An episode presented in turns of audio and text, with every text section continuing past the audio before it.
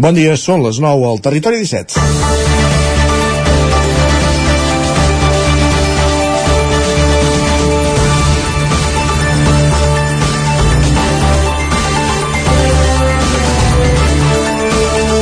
Quan hom fa cap a Twitter es pot trobar piolades com la del periodista Abraham Oriols de ja fa unes setmanes qüestionant que es digui Volta a Catalunya un esdeveniment ciclista que només passa per una part del país. De seguida li van saltar els savis mostrant-li traçats d'altres cites ciclistes en altres països on tampoc es completa tota la geografia. També te'n trobes com els del programa de ràdio Les Ciclistes que reclamen que la, de la mateixa manera que la Volta hi passava per Manlleu, l'Ajuntament de Torelló es posi les piles i faci passar la caravana per aquest poble l'any vinent. I el que queda atrapat en un carrer o carretera tallada pel pas de grup també té opcions d'acabar violant enfurismadament. Veure passar una volta de ciclista, sigui la volta, la, sigui la vuelta o el tour, no passa sempre, i veure com el Ripollès amb l'arribada a Vallter, però també Osona i en aquest cas a Lluçanès amb una sortida d'etapa i Olost, eh, se n'estan convertint en protagonistes els darrers anys, sens dubte és un atractiu.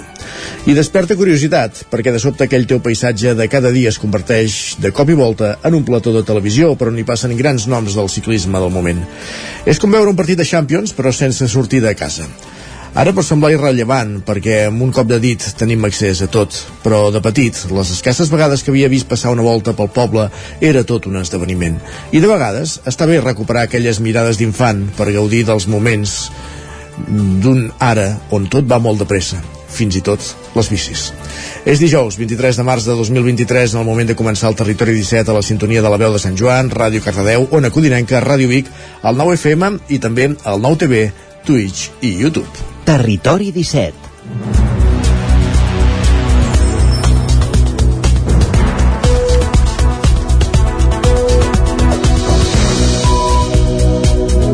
Dijous 23 de març de 2023, quan passen dos minuts de les 9 del matí en el moment de començar el Territori 17, el magazín de les comarques d'Osona, el Vallès Oriental, el Ripollès i el Moianès que us fa companyia cada dia entre les 9 i les 11 del matí. De quina manera, amb quins continguts? Doncs us els avancem tot seguit a continuació, abans de començar, de fet. Uh, en aquesta primera mitja hora ens dedicarem a aprofundir en l'actualitat de les nostres comarques, amb les notícies del Territori 17 en connexió amb les diferents emissores que dia a dia fan possible aquest programa. També farem un cop d'ull a la previsió del temps, amb el nostre home del temps, en Pep Acosta des d'Ona Codinenca i un cop d'ull també als diaris. Anirem al quiosc amb en Sergi Vives per repassar les portades dels diaris de, del dia.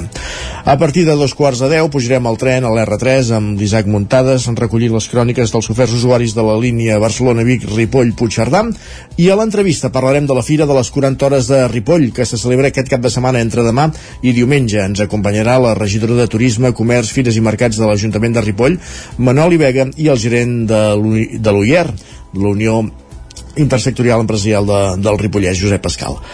Serà, com dèiem, a partir de dos quarts de deu del matí. Just després anirem a la plaça, a l'espai d'Economia, que cada setmana ens acosten la Maria López des de Ràdio Cardeu i 11.cat, avui parlant del signe negre, de la caiguda d'aquests quatre bancs, tres als Estats Units, una a Suïssa, i de les conseqüències que això pot tenir en un segon capítol després de la, de la secció d'Economia que hi vam dedicar dimarts amb en Joan Carles Arredondo. Arribarem al punt de les 10, si és el cas, música, notícies, i a la, la previsió del temps i com cada dijous a partir d'un quart d'onze serà un moment d'entrar a la cuina a la foc lent. Avui anirem fins a Vilanova de Sau, fins al Ferrer de Tall, però no per parlar amb la Maria Nicolau, la cuinera que l'ha posat al mapa de la gastronomia de Catalunya i que ara abandona els fogons, sinó per parlar amb la seva propietària, amb la Lídia Mongai, tercera generació d'aquest negoci familiar que ja té més de 50 anys de trajectòria, per parlar de la trajectòria del Ferrer de Tall i de l'abans i el després que suposa el pas de la Maria Nicolau per, pels fogons d'aquest restaurant, restaurant. Això serà a la Foc Lent a partir d'un quart d'onze a dos quarts. Serà el moment d'endinsar-nos a Twitter, com cada dia amb en Guillem Sánchez, i els dijous, dia de ficció, cinema, amb en Joan Garcia i en Gerard Fosses des de la veu de Sant Joan, i acte seguit, recomanacions de, de sèries.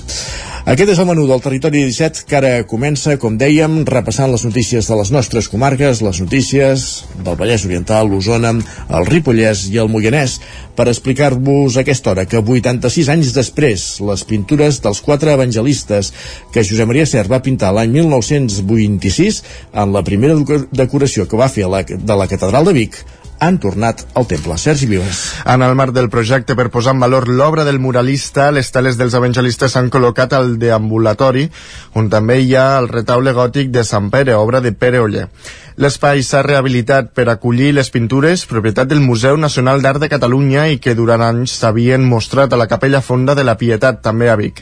El MNAC les ha cedit i n'ha supervisat la restauració i la instal·lació, ho explica el delegat de Patrimoni Cultural del Bisbat de Vic, Dani Font i ens va semblar que era l'espai idoni per poder instal·lar aquestes pintures perquè estan tan a prop com és possible de la seva ubicació original i eh, permeten, fan companyia en el retaule de Peroller i permeten una bona contemplació d'aquestes teles i una comprensió de el, la idea dels dos projectes executats de, de cert L'actuació per tornar a les teles dels evangelistes de Cert a la Catedral de Vic ha tingut un cost de 287.000 euros, finançat pel Bisbat de Vic, la Generalitat i amb una aportació econòmica també de l'Ajuntament Vigata. Forma part del projecte per revaloritzar l'obra de Josep Maria Cert al Temple amb un pressupost total d'1,8 milions d'euros, que també inclou un espai d'interpretació i la restauració de totes les pintures de la nau central actual. El projecte també s'emmarca en les actuacions per posar al dia tots els espais de la catedral catedral. En parla el vicari general del Bisbat de Vic, Josep Maria Riba. No totes les ciutats poden tenir un gruix que va del, del romànic fins eh, als moments actuals passant per les pintures d'encert no? em sembla que tot això o tenint aquí al costat també eh, aquesta meravella del Museu Episcopal tenim aquí una illa important que com a església estem orgullosos de poder-la presentar i al mateix temps de poder-la haver pogut conservar-la fins als dies d'avui. Fa poc que ha acabat la restauració de la capella barroca de Sant Bernat Calbó i de l'edifici Escrivania, situat sota el campanar, i ara es treballa en la restauració del claustre gòtic i la de l'edifici romànic de la canònica. Més qüestions anem cap al Ripollès perquè el govern en minoria del Consell Comarcal del Ripollès fa que ja es comencin a perdre votacions. Les primeres per reestructurar el govern, Isaac Muntades, des de la veu de Sant Joan. Els efectes del cas Twittergate de l'Ajuntament de Ripoll es van fer notar al ple del Consell Comarcal del Ripollès de dimarts. La fragilitat de l'equip de govern, format únicament per cinc consellers, entre els quals hi ha el president Joaquim Colomer, Dolors Costa, els dos del PSC i un de més, els va fer perdre les primeres votacions d'aquest mandat. A l'ordre del dia hi havia quatre punts relacionats amb la reestructuració del govern comarcal i el nomenament dels representants del Consell en altres organismes que van ser rebutjats per 13 vots en contra de l'oposició i 5 a favor de l'equip de govern. Esquerra Republicana de Catalunya, quatre consellers de Junts, ja que faltava Josep Maria Creixans, i la CUP van tombar-ho. Això significa que efectes pràctics ara mateix només queden tres persones al Consell de Govern, Colomer com a conseller no escrit, Enric Pérez del PSC i Ramon Roquer de Més, però en canvi es dona la paradoxa que formalment a la Comissió de Coordinació n'hi continuen a 105, els tres del Consell de Govern, Met Xavier Guitart i Costa. La voluntat era unificar aquests dos òrgans en un de sol i no es va poder fer. També es dona la particularitat que hi haurà consellers fora del govern que seran els representants de l'ENS en altres organismes com Josep Coma, que està al Consorci per a la gestió dels residus urbans d'Osona. La competència que sí que rau en el president de l'ENS és la de nomenar vicepresidents. En principi, els quatre membres que formen part del govern ara ostentaran una vicepresidència cadascun, inclosos Guitart i Costa, la qual va anunciar que presentaria una instància per donar-se de baixa de Junts i passar també com a regidora no escrita. Sí que sembla que l'acció de govern no perillarà en la resta de mandat, ja que només falta un ple. Tot i això va haver-hi una modificació de crèdit que es va aprovar amb els vots de l'equip de govern i la CUP i les abstencions d'Esquerra i Junts. Els republicans continuaven sense entendre per què havia explotat tot ara. En parlava Sergi Albrit. I també ens preguntem per què tot això acaba sortint ara, no? Fa setmanes i mesos que hi ha rumors i rumors i rumors que és evident que alguna cosa passava al seu grup i per tant això acaba patant pocs mesos abans de les eleccions, però per tant el, el per què ara, no? Vull dir, per tant hi ha un debat, insisteixo, eh, que s'ha fet a la premsa, però ha estat poc sincer a l'hora de fer-lo a les seus de, sobir de sobiranes, que són el ple de l'Ajuntament de Ripoll i el ple del Consell Comarcal. El BRIC també va qualificar de a la situació de minoria de l'equip de govern i va dir que no s'havien pronunciat fins ara per preservar el crèdit de les institucions. Com va desvincular-ho d'una falta d'entesa política i ho va justificar pels següents motius. En tot cas hem tirat endavant tot el que fa referència a la política pública en matèria de residus, els FEDERs, el PLANES, els menjadors escolars, en temes d'ensenyament i transport escolar. És a dir, aquí no hi ha una fragmentació o unes desavinences polítiques, tot i ser un govern de coalició de diversos partits. Aquí estem parlant d'un tema de confiança política i d'ètica per personal. Per la seva banda, Colomer va reiterar la seva innocència alegant que el perfil fals de Twitter Cabró de raça ripollesa que criticava l'acció de govern de l'Ajuntament de Ripoll no era seu. En qüestió de 10 minuts, una hora, a mi se'm va acusar, jutjar i condemnar. I per tant, de moment, no hi ha cap constància d'estar al darrere de cap d'aquests perfils ni de cap d'aquestes proves. El conseller de la CUP, Àlex Medrano, va trobar a faltar més explicacions. Perquè obres el diari, veus totes la, les notícies de premsa, tu estàs a la mateixa taula que els teus companys i companyes i no te ningú t'ha explicat res. Aleshores, el que sí que agraeixo és que el president eh, a mi em truqués per explicar-me, fer-me en 5 cèntims i parlar també d'altres temes que venen al dia a dia de la política. Per tant, això sí que ho agraeixo, però sí que vaig trobar a faltar alguna trucada alguna explicació per part de Junts, almenys per saber el vostre punt de vista, també podem fer balanç. A propòsit d'això, el dimarts vinent es presentarà el grup d'independents del Ripollès. Gràcies, Isaac. Més qüestions. El Consorci Hospitalari de Vic instal·la prop de 1.500 plaques fotovoltaiques al sostre de l'Hospital Universitari de Vic i també el de l'Hospital Sant Jaume de Manlleu, un sistema que permetrà autogenerar fins al 13,7 de l'energia consumida, el 13,7% volem dir, de l'energia consumida als centres hospitalaris. La coberta de l'Hospital Universitari de Vic és on s'hi acumula gran part de les plaques fotovoltaiques. En total, 858 panells que es traduiran en un estalvi d'un 10% del consum, segons el cap d'infraestructura Infraestructures i Serveis del Consorci Hospitalari Raül Enríquez. I preveiem produir amb aquests panells 454.000 quilowatts hora any. Això repercutirà en un estalvi de la nostra, del nostre consum total anual que són 4,5 milions de quilowatt hora una instal·lació que també llueix a la coberta de l'Hospital Sant Jaume i a la residència Aura de Manlleu, on s'hi ha establert 641 panells.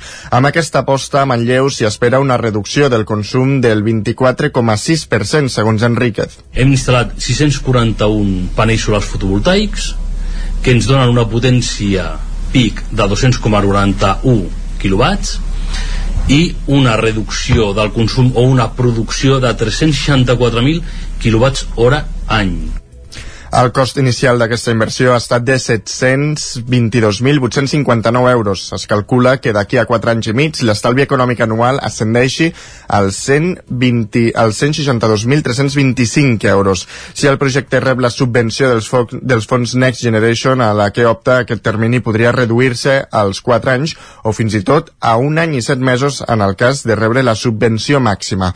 El consum d'electricitat als diferents centres del Consorci Hospitalari de Vic està associat a l'enllumament anomenat, els sistemes informàtics i els equips mèdics. Sobretot a la climatització, una despesa que amb l'esclat de la pandèmia va disparar-se perquè, per evitar la transmissió, els aparells renoven l'aire de forma continuada. Gràcies, Sergi. Més qüestions. Anem cap al Vallès Oriental perquè Caldes de Montbui presenta un estudi pioner a nivell català que dona a conèixer les víctimes de l'espoli franquista. Roger Rams, zona codinenca. Sí, aquesta setmana s'ha presentat a Caldes de Montbui la primera part de l'estudi que s'està realitzant de forma pionera a tot el país sobre l'espoli franquista i les seves víctimes. Aquesta iniciativa sorgida d'una moció presentada al consistori per part dels grups d'Esquerra, el PSC, la CUP i Junts l'any 2021 té com a principal objectiu posar llum a l'espoli de béns mobles i immobles al final de la Guerra Civil Espanyola per part del bàndol franquista.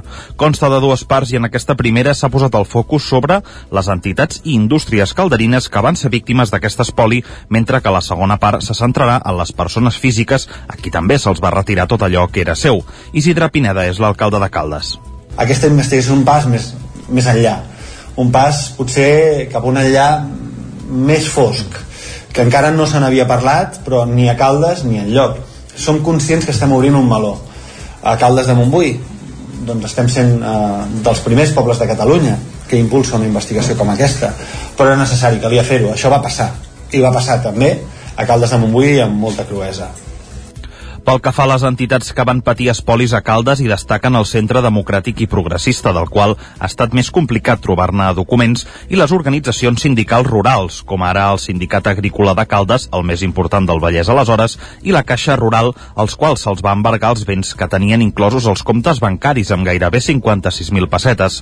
Segons apunta Pineda des del consistori, es reclamaran tots els diners que van ser extrets dels comptes públics. El que avui presentem ofereix la possibilitat a les entitats i als descendents de les persones afectades. Això ja ho avanço. Disposar de documents que en un futur es poden fer servir en, en el cas d'iniciar processos legals per recuperar aquest patrimoni expoliat. El cas de l'Ajuntament Republicà és un més, és un cas més important. Tenim clar que com a consistori, com a ajuntament reclamarem el retorn dels que ja sabem a dia d'avui són al voltant d'unes 70.000 pessetes de l'època que es van espoliar dels comptes municipals eren diners dels calderins i les calderines eren diners de l'Ajuntament, eren diners de tots en el cas de les empreses, els documents trobats durant l'estudi han localitzat quatre víctimes. L'estudi l'està duent a terme Neus Moran Jimeno, doctora en Història Contemporània per la Universitat de Barcelona i investigadora de la càtedra Josep Termes de la mateixa universitat, que explica en què consistia aquest espoli. I és la requisa del patrimoni de totes les persones físiques i jurídiques que foren qualificades d'enemigues pel moviment per haver donat suport a la legalitat republicana i això se feu ja des de setembre del 36 amb el decret 108. Això implica el decomís de tot tipus de béns, mobles, immobles, documentals, dipòsits, avals, que foren requisats per les autoritats municipals en col·laboració amb l'exèrcit.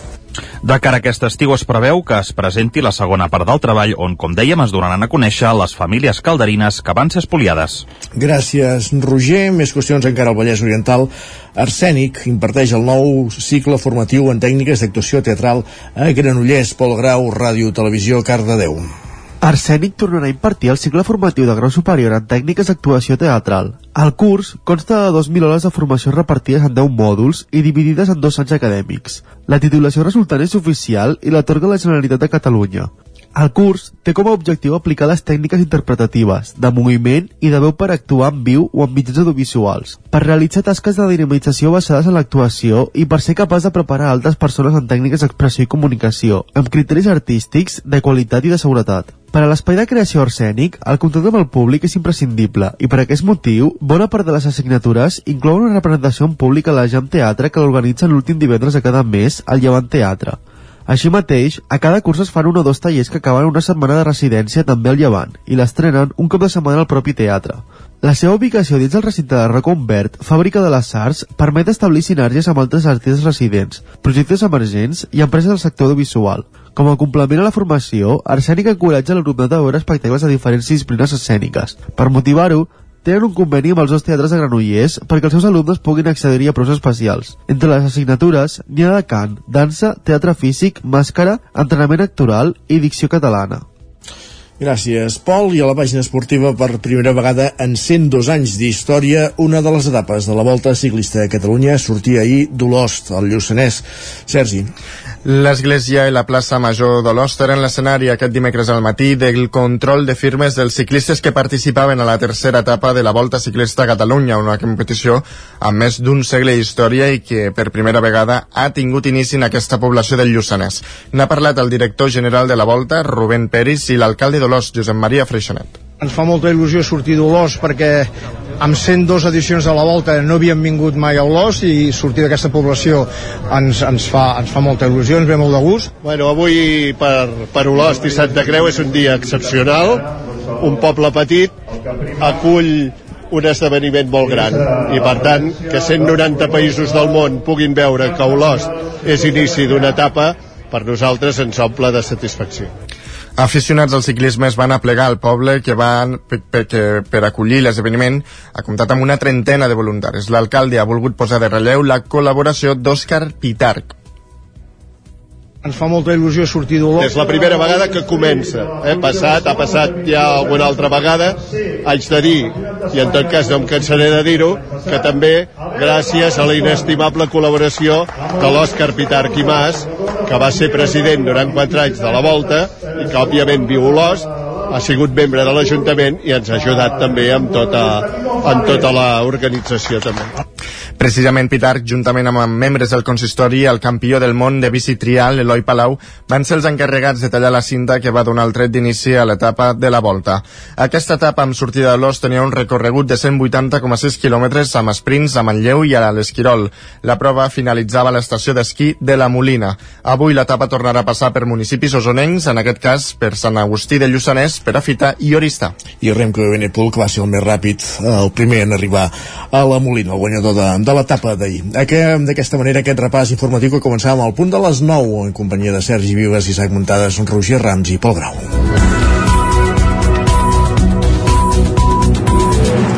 Moment al territori 17 de saludar el nostre home del temps. Casa Terradellos us ofereix el temps. Pep Acosta, una codinenca, bon dia. Hola, bon dia. Què tal? Com esteu? Gent que fa possible el programa. Què tal? Com esteu? A tota la gent que ens escolta. Espero que tot bé. El que no va bé és el temps. Uh, és del tot decepcionant mirar els mapes del temps uh, aquests dies uh, mirar la predicció del temps no sé, no sé no sé com ha acabat tot plegat però és, és molt, molt poc encoratjador avui les temperatures encara les mínimes han pujat una mica més. Uh, mínimes ja superiors als 10 graus en moltes zones del preditoral només una mica fred cap a l'interior que al Pirineu, una mica, temperatures mínimes per, per sota dels 10 graus, les zones més fredes, però es va escalfant tot eh, i continua la sequera, continua aquesta sequera que no, no, no veig eh, bé, bé que puguis agafar eh, que hi hagi un petit canvi de temps, un petit canvi de temps no sé, no sé, eh, un, un programa molt poc encoratjador, com deia abans. Mm, avui serà un dia molt semblant al d'ahir, eh, quatre núvols prims, eh, molt poca cosa, i unes temperatures a migdia molt suaus. La majoria de màximes entre els 20 i els 25 graus, eh, però encara una mica més altes que les d'ahir. Uh, més valors això, eh, entre 23, 24 i 25 graus en conjunt, més altes més les temperatures que ahir. Uh, uns 5-6 graus més altes del que hauria de ser normal.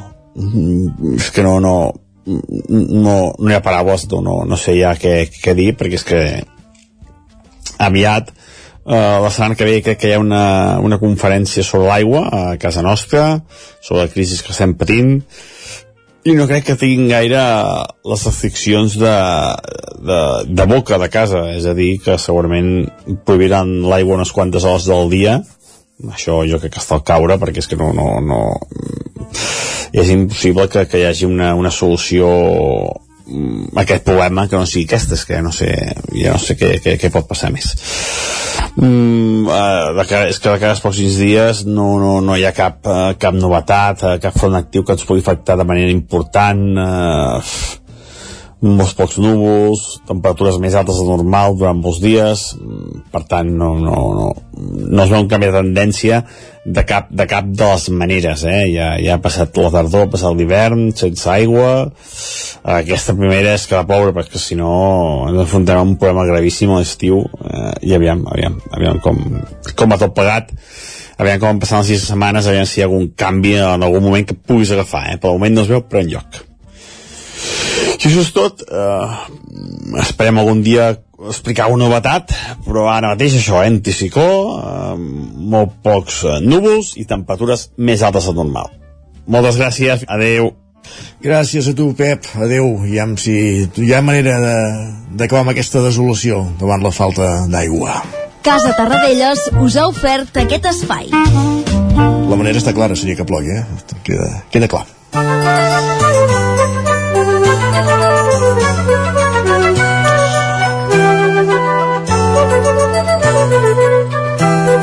Moment d'anar cap al quiosc a repassar les portades dels diaris ràpidament, però abans un punt d'actualitat i és que la línia R3, la línia de tren, la Barcelona-Vic-Puigcerdà, està tallada entre Vic i Centelles per un atropellament. La circulació, com bé dèiem, està tallada per l'atropellament d'una persona, tal com informa Rodalies de Catalunya, s'ha gestionat un servei alternatiu per carretera per aquest tram, és a dir, un autobús. Per tot plegat, el servei presenta retards de més de 40 minuts. L'atropellament ha tingut lloc aquest dijous a les 8 del matí entre Balanyà i Centelles.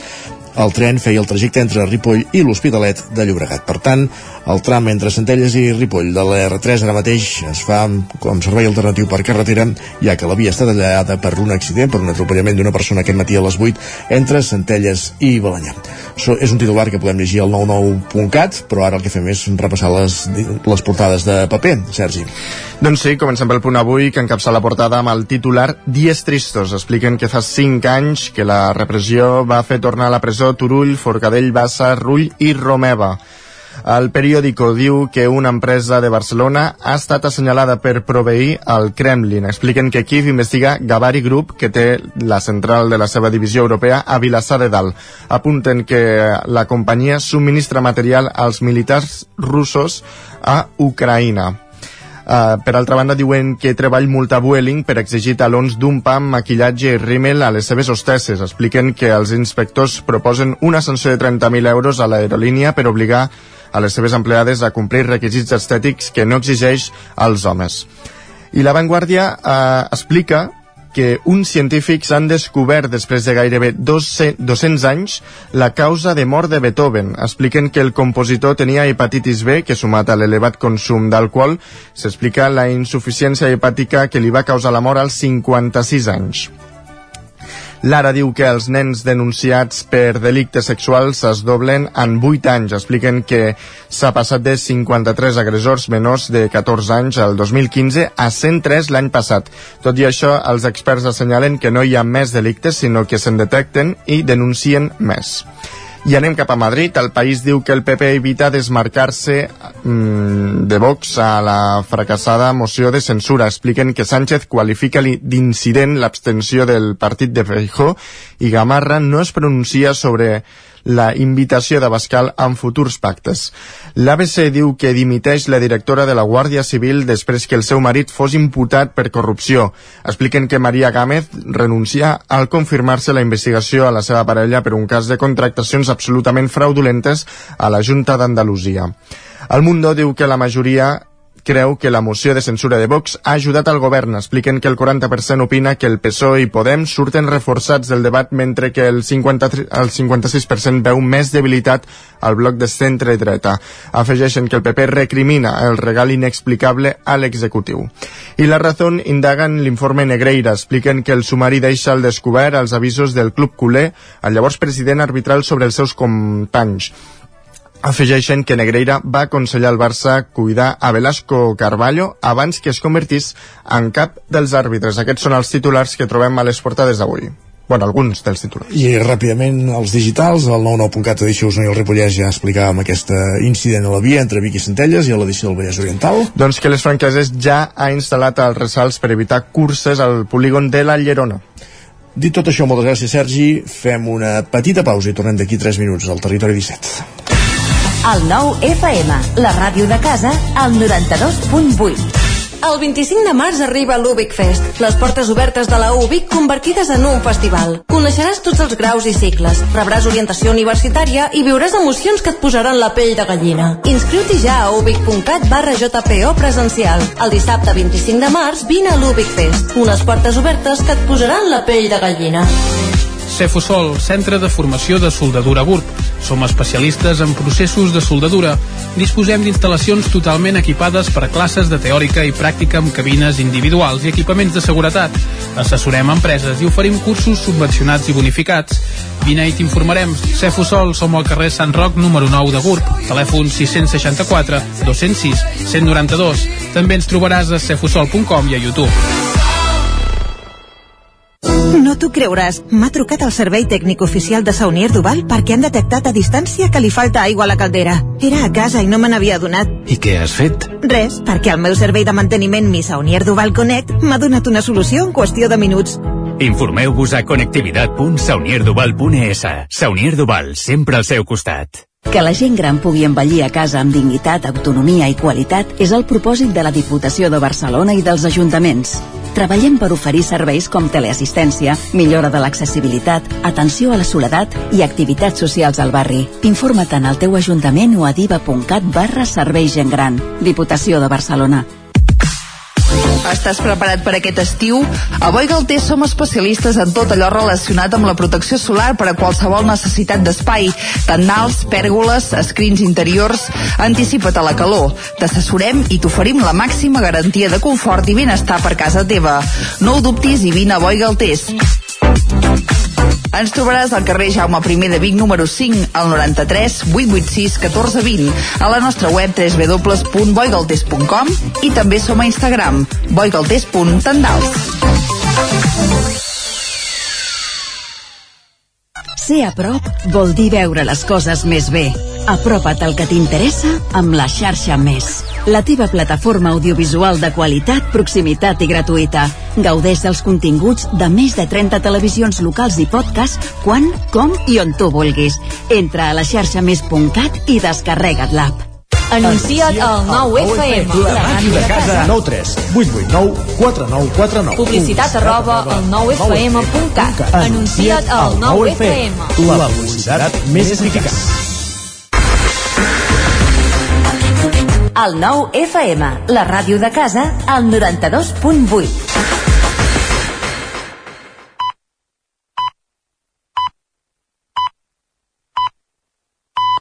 Territori 17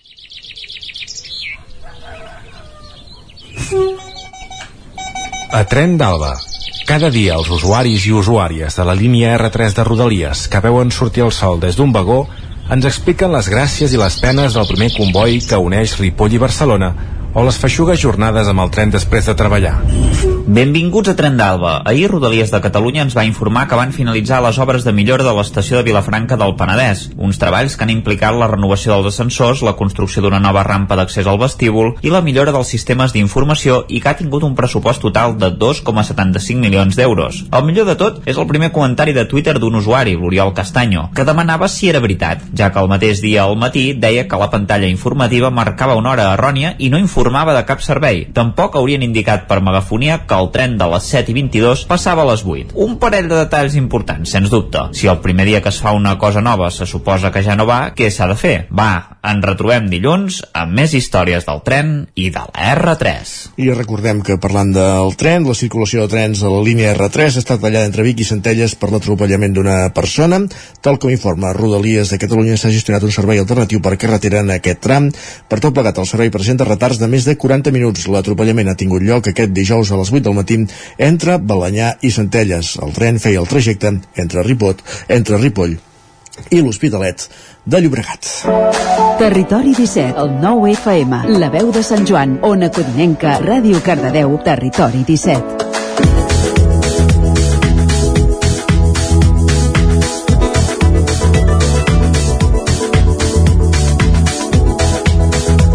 A partir de demà divendres i fins diumenge, Ripoll acollirà una nova edició de la Fira de les 40 Hores, una fira multisectorial que aquest 2023 arriba als 40 anys després de la seva represa l'any 1983 i que està organitzada principalment per l'Ajuntament de Ripoll, la Unió Intersectorial Empresarial del Ripollès i Ripoll Comerç. Mantindrà un format similar al de l'any passat i incorpora algunes novetats. Isaac Muntades, la veu de Sant Joan. Bon dia, Isaac. Doncs sí, per parlar d'aquesta nova edició de la Fira de les 40 Hores tenim amb nosaltres a la regidora de Turisme, Comerç, Fires, Mercat, Sostenibilitat i Empresa de l'Ajuntament de Ripoll, Manoli Vega, i també el vicepresident executiu de la UIR, Josep Pascal, que ens ajudaran a desgranar doncs, els, les principals novetats a destacar del certamen. Bon dia a tots dos i moltes gràcies per ser avui al Territori 17 amb nosaltres. Bon dia. Bon dia. Uh, en primer lloc, uh, la Fira de les 40 Hores aquest any repeteix la fórmula d'allargar-se, com es va fer l'any passat. No sé què significa exactament això i per què s'ha optat per, uh, per uh, aquest canvi que, que en el fons ja, ja va començar una mica l'any passat com a prova pilot. Bé, doncs, com bé deies, l'any passat vam, vam pensar doncs, que la Fira havia de créixer, que havia de créixer doncs, cap a un espai com és la Devesa del Pla, que ja estava pensat inclús per, per fer aquests esdeveniments, i per tant doncs, l'any passat vam fer una prova pilot a veure com funcionava. L'any passat doncs, eh, eh, va anar bé, tot i les eh, inclemències meteorològiques, i aquest any doncs, li volem donar doncs, eh, més, més contingut eh, i doncs, la aquest, aquest quilòmetre i mig que parlem des de la plaça de l'Ajuntament, carrer Sant Pere, fins al capdavall de la, de la Devesa. Per tant, doncs, tornem a repetir el format amb més continguts, més estants, més activitats i doncs, molts, sector, molts, eh, molts sectors diferenciats perquè, bé, perquè és una fira multisectorial i ha de ser doncs, el que és la nostra comarca eh, amb producte agroalimentari, amb indústria, eh, amb artesania, amb els comerços propis de la vila i també amb molta participació d'entitats i associacions. Ara parlàveu d'això, de, de la sectorització i agrupació de, de les diferents estants i, i parades. Quins són els espais que, que ocuparà la fira i què hi trobarem en cadascun d'ells? Com s'ha fet aquesta sectorització? I si no sé si ja teniu la xifra final d'estants de, participants. La, la xifra doncs, volta entre 250 i 270 estants, estants i parades, i, i bé, hi ha un espai d'artesania, eh, una zona de sostenibilitat, eh, llavors tenim un espai de degustació, un espai de, de, la, de, la, de Ripoll Comerç i Uller, una zona empresarial en què volem això, no? una mostra de les empreses que tenim a la comarca, empreses doncs, en, que, que, que exporten arreu del món, eh, escoles, entitats, automoció, part d'emergències i de seguretat, doncs una mostra del que amb diferents vehicles, doncs perquè la canalla, vehicles actuals i vehicles antics, algun vehicle antic, eh, Josep? Eh, una ambulància, zona d'autocaravanes, eh, i llavors tenim el territori Rosters, un, un, una mostra d'una de, de, de les entitats d'aquí de, Ripoll, eh, i, i, de, i del motorclub també en una zona de trial i com no també atraccions per, per, pel jovent i la mainada Uh -huh. Aquests uh, són els diferents espais eh, que, que tindrem durant aquesta perdó, eh, que tindrem durant aquesta fira. A més a més, doncs una mostra, i això ficar Josep, del carrer Sant Pere. Sí. Bueno, eh, bàsicament tot el que ha explicat la Manoli són aquests subespais, per dir una manera, no? i després la fira es divideix en tres grans espais. No? Un espai és tot el que és el centre, aquí tenim tot el tema d'artesania, participació del comerç, etc. I aquest any, per celebrar el tema dels 40 anys, el que és el carrer Sant Pere, i posarem uns tòtems, uns espais amb unes 20 fotos de, històriques des de la represa de la fira fins ara per fer una miqueta celebrar el tema dels 40 anys. L'espai que comentava la regidora, que és l'espai central, té aquest espai doncs, de, de, agroalimentari, degustació, eh, tot el, el tema de la, de la part, diguéssim, d'empresa, és una carpa que aquesta més o menys la coordinem des de Uller eh, amb diferents empreses. Una que el que va voler és buscar 5, 6, 7 empreses grans, perquè tampoc és que, que, que les empreses grans hagin d'ocupar l'espai de la fira, però per poder visualitzar que al Ripollès eh, també tenim empreses, tenim empreses importants, innovadores, interessants, com, com poden ser doncs, diferents amb la ventilació, etc.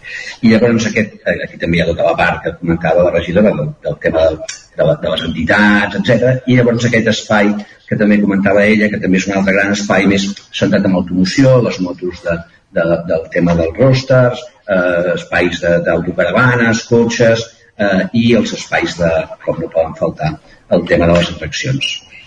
Mm -hmm. I com no, també, sí. no sé, i com no, també, doncs, també comptarem amb molta activitat. No sé si eh, activitats paral·leles, que, que és una, una fórmula que hem anat veient doncs que funciona. Ui, se'ns se talla un moment, no sé si podem recuperar la connexió. Sí, esperem que... Els escenaris... Ara.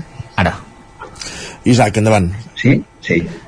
Ara, ara s'us torna a sentir. Us volia comentar, centrant una mica en les novetats, encara que la fira s'inauguri divendres a la tarda, dijous al vespre també hi haurà algun tipus de prèvia, no? Que també és, és interessant, no? Amb la, amb la ruta de l'etapa, oi? Sí, correcte.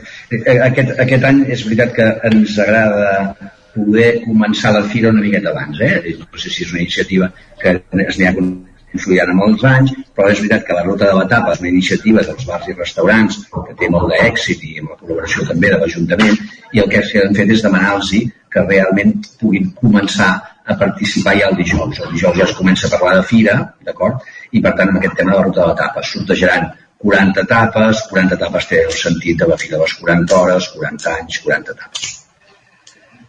Uh, la inauguració d'enguany també serà especial pel lloc i per les persones escollides, si ens us podeu uh, ampliar tot plegat, no? Sí, uh, la inauguració la farem el divendres a les 6 de la tarda i comptarà, volíem que fos un, això, no? Amb el motiu dels 40 anys eh, hi han dues persones que, que jo dic que es diuen Joans, tots dos els diuen el, tenen el mateix cognom i d'una manera o altra doncs, han participat des de la represa de la fira en el 1983 en aquesta fira de les 40 hores. Per tant, doncs volíem comptar amb en Joan Colomer i en Joan Colomer en els que, en els que entrevistarem doncs, eh, i, i, i ens agradarà que ens expliquin anècdotes d'aquests 40 anys en la inauguració. A part d'això també comptarem amb alguna sorpresa, amb alguna sorpresa i algun personatge especial que hem acabat lligant a última hora eh, doncs perquè faci més amena doncs, aquesta, aquesta inauguració, com no, amb l'alcalde de Ripoll i algun representant també de Generalitat. Mm -hmm. Però, Això serà la inauguració. Allà precisament allà al costat de l'espai on, on es fa la inauguració Manoli també hi ha un espai que aquest any és nou, no? que és l'espai aquest de la, la comarca amiga que s'estrena doncs enguany no sé què s'hi farà allà i, i també què s'hi vol fer de cara al futur no? perquè és una prova pilot, no? en certa manera Sí, també és una prova pilot de la comarca amiga. Aquest any doncs, comptarà amb un espai més, més reduït. Ens hagués agradat doncs, i, i la idea és anar, anar ampliant aquest espai de la comarca amiga eh, en el que convidarem a una comarca o convidem a una comarca a que eh, ens porti doncs, tot allò que és representatiu de, de, de la seva comarca. No? I per tant doncs, aquest any tindrem el Baix eh, Empordà com a comarca amiga amb un espai en el que eh, ens hem posat d'acord amb, el seu, amb, el, amb el Consell Comarcal de, de l'Empordà, del Baix Empordà, i, i tindrem una mostra del que és la, la comarca. Aquest, aquest espai ens agradaria, doncs això, no? aquest any és una prova pilat i ens agradaria doncs, que, que, que, anés, que anés a més, no? Uh, per primera vegada. Però és una mica doncs, el, el fet d'anar introduint alguna cosa uh, nova, perquè jo sempre dic que si estiguéssim fent les coses el mateix que fa 40 anys potser ja no hi seríem, no? Per tant, doncs, amb aquest interès de, de voler fer créixer la fira, de, de, i de posar elements nous, volem que aquesta fira duri doncs, o tingui vida per molts, molts, molts més anys. Uh -huh. Uh, a banda d'això, doncs, eh, em sembla que ens deixem també una cosa molt important, que són aquests dos espais que dèiem, aquests dos escenaris que dèiem, i que tindrem molta activitat, perquè hem anat veient doncs, això, no? que la fórmula aquesta de fires i activitats tant de les mateixes associacions, entitats de la comarca, com les que puguem fer venir, doncs és important. Ara, Aquest ara. any doncs, tindrem concerts Ara hi anirem Eh, als concerts i, i a les activitats. Eh, abans m'agradaria centrar-me un moment en les activitats eh, promogudes per, per Ripoll Comerç. Quines destacaríem? I després ja parlarem dels concerts. Perdó, perdó. Sí, sí, bàsicament el tema és dir, primera, eh, el comerç eh, dissabte matí, dissabte tarda, que puguin estar oberts, diumenge hi ha més un tema més de, de alguns sí, alguns no, i després el que fan és aprofitar una miqueta els escenaris per poder-se per poder fer diferents temes. Tenim un tema de maridatge de cerveses, tenim un tema de presentació de la guia formatgera, tenim eh, temes com per exemple, el tema de la, de la risoteràpia que va a càrrec d'una botiguera que té un espai de, de temes de, de, de, de socials i de, i de personal, personalitat. Eh, hi ha presentacions de llibres també i eh, Desfilada? Sí, hi ha una desfilada de moda a càrrec de Carol Bruguera i em sembla que Hi ha no una prova sortirà gaire de res. moda, Sí, sí. Mm -hmm. En l'àmbit musical, ara ho comentàvem, eh, que hi hauria, molts, con- hi hauria alguns concerts i um, alguns potents, eh, la veritat. Sí, bé, nosaltres, Manoli ens pot comentar més o menys els, les activitats, però jo crec que és el que ell anava dient, aquesta estratègia de poder fer venir algú atractiu que acabi fent venir gent de fora a Ripoll i després la nostra implicació de com som capaços de vincular la gent que tenim de fora i que venen a passejar a la fira que també entri a les nostres botigues. Eh? Això, Fira de Nadal es va fer amb un tema de ruletes, en fi, sempre anem buscant iniciatives jo recordar, per exemple, que en la carpa de la, de la, de la Uller o de les empreses, que també hi ha un tema que és que Sals Ventilació farà uns obsequis o uns sortejos per la gent que participi, que doni les dades per poder participar després amb descomptes de les, de les pròpies botigues, però també sorteja una cortina d'aire automàtica per a aquell comerç que tingui més, més, més flow, no? que estigui més, més reconegut no? per la gent i després també tenim això de que regala una, una tablet eh, un Birba farà tot un tema de degustació i un tema de regals de, de, de diferents productes fi, hi haurà una miqueta d'ambientisme bàsicament aquest vincle també d'empreses grans no? eh, intentant ajudar i fomentant eh, el tema del comerç, que en aquest moment segurament necessiten més un cop de mà que, que poder altres sectors. Eh? I, i llavors, per una altra banda, com dèiem, no, les, els diferents que, que també participen algunes entitats eh, dintre de, de la fira, però llavors tenim eh, dues o tres mm, eh, concerts eh, més especials perquè gaudeixin doncs, la gent que ens visiti, evidentment, i la gent de, de Ripoll. Eh, per un cantó el dissabte a migdia doncs, tindrem un, ba, un, un concert vermut al Passeig Fregull amb en Pep Poblet. Eh, el, el quarts de vuit de la tarda comptarem amb Amistades Peligroses, doncs, que aquest any també fan una, una sèrie de concerts perquè fan 30 anys eh, fan 30 anys, per tant doncs, també vam lligar de dir, escolta'm, 40 anys, 30 anys, eh, eh, fem aniversari doncs, eh, i, ens, i, i vindran a cantar doncs, a la plaça Sant Tudal a quarts de vuit i llavors el diumenge també farem un ball vermut amb en Juli Peris, un excomponent de Piris, perdó, eh, un, un excomponent de, de la salseta de, del Poble Sec. Per tant, hi ha tot un seguit d'activitats que també ens acompanyen a la fira i si el temps doncs, i sembla que, que tindrem bon temps a la fira aquesta doncs, hem passat amb aquests 40 anys de tenir en aquest moment doncs, eh, eh, nevades, vent, mm, molt calor, per tant hem tingut de tot, aquest any sembla ser doncs, que tindrem bon temps i això també és el 80% d'èxit de, de les activitats que es fan al carrer. Per tant, eh, nosaltres que hi hem treballat i a més el temps, si, si el temps ens acompanya, doncs tindrem una bona fira. Uh -huh. em, em queda un d'aquests noms que dèiem ara d'actuacions, de, de, de concerts. Com ha estat aquesta confluència entre Ripoll i, i Amistades Peligroses? No? Perquè em, em va cridar l'atenció quan vaig sentir que hi havia aquest nom a, a Ripoll, perquè també era un grup que feia molts anys que no, que no en sentíem, i ara ens apareix aquí a la Fira de les 40 Hores. Com, com ha estat això? Diguéssim, com, com ha estat bueno, aquesta casualitat? Ho comentava la, la regidora també, que és un tema de que ells celebraven 30 anys, no?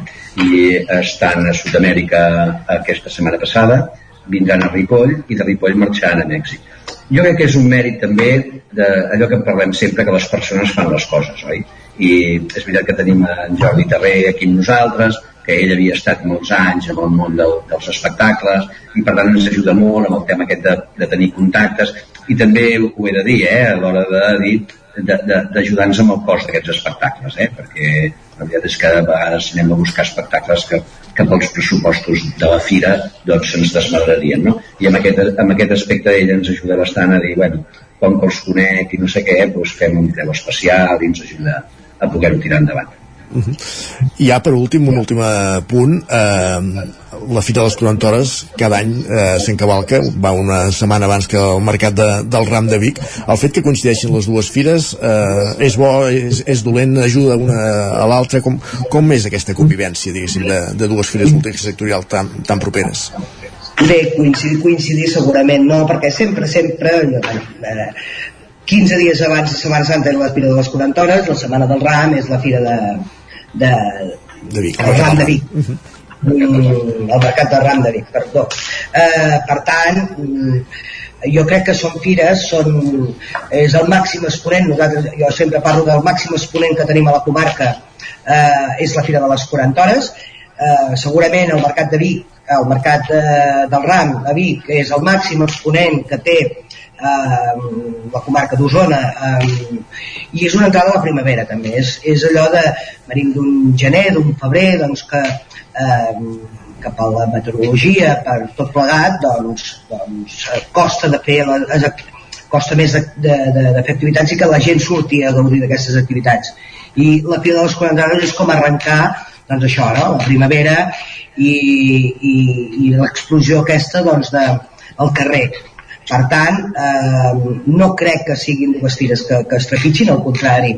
Jo crec que ve, que ve molt allò de dir, eh, primer la de Ripoll, eh, 15 dies abans de Setmana Santa, que va al mercat de, de, del Ram a Vic, i, i la Setmana Santa. Per tant, és, és, és la gent de, de, la nostra comarca doncs ho té, jo diria, molt assumit de que, com, com funciona, no? Per tant, al contrari, nosaltres tenim la, eh, el que mirem és de tenir una fira doncs, eh, potent, amb el màxim de representació de la comarca i de Ripoll i potent, i, home, i destacar que fa 40 anys que l'OIR, eh, Ripoll Comerç, Unió de Botiguers i l'Ajuntament de Ripoll eh, organitzem aquesta fira i, i més que mai, no? I ara més que mai, per tant, i per molts anys. I que sigui molts més, exacte.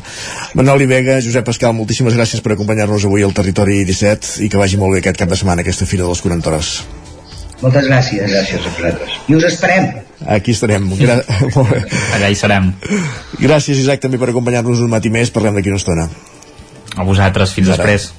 Avancem al territori 17, de, hem parlat de la Fira de les 40 Hores de Ripoll i el que fem tot seguit és parlar d'economia, perquè a la recta final de la primera hora dels dijous la dediquem sempre a anar a la plaça amb la Maria López de Ràdio Cardedeu i 11.cat.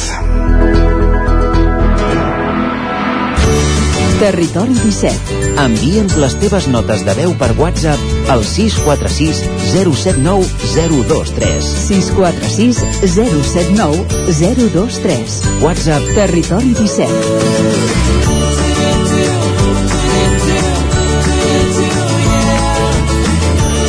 Territori 17. Som a Facebook, Twitter i Instagram amb l'usuari Territori 17.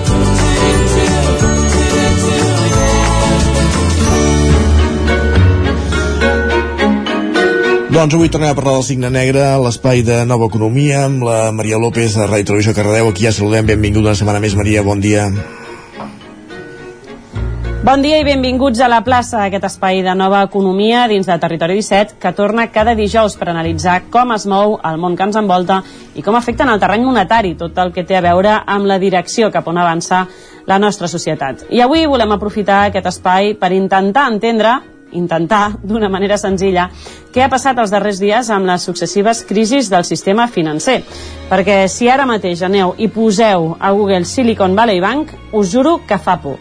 La caiguda del Silicon Valley Bank i el seu posterior rescat en 48 hores. La davallada d'un dels grans, com el Credit Suisse, una entitat que semblava quasi intocable del nostre sistema bancari i que també ha fet fallida i és rescatada per UBS en una venda express.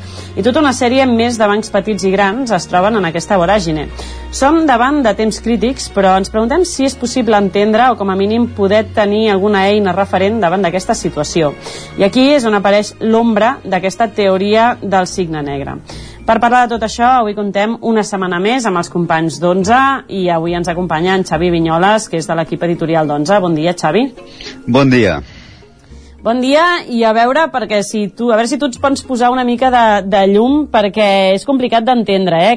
Com podem d'alguna manera entendre tota aquesta nova economia, aquesta nova realitat? Què està passant amb Silicon, amb Silicon Valley? Què, què s'està movent que, que tro trobem les pàgines d'alguna manera d'economia inundades d'aquest rescat? Sí, de, de, de fet, últimament anem de, anem de sorpresa en sorpresa eh, i ja tornem a estar davant d'un altre esdeveniment que no ens esperàvem o que semblava impensable o imprevisible i és això el que es coneix com una mica com el, el Black Swan, un esdeveniment, esdeveniment de, de signe negre. Um, què vol dir això? Expliquem una mica l'etimologia... Què vol dir aquesta teoria? Sí, sí expliquem l'etimologia de, de l'expressió, de d'on ve aquesta expressió primer. Eh, durant molts segles, al, al món occidental eh, es pensava que no existien els, els signes negres, no? crec que eren tots blancs.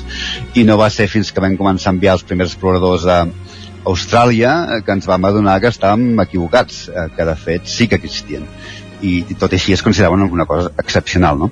Doncs, doncs bé, eh, aquesta paradoxa aplicada a l'economia ve a ser que encara que hi ha certs esdeveniments eh, que veiem d'alguna manera com impossibles o imprevisibles, eh, aquests esdeveniments existeixen, són una realitat eh, i poden tenir importants conseqüències econòmiques. No? Llavors, per, per la qual cosa eh, s'han de tenir en compte a, a l'hora de la presa de, de, de decisions.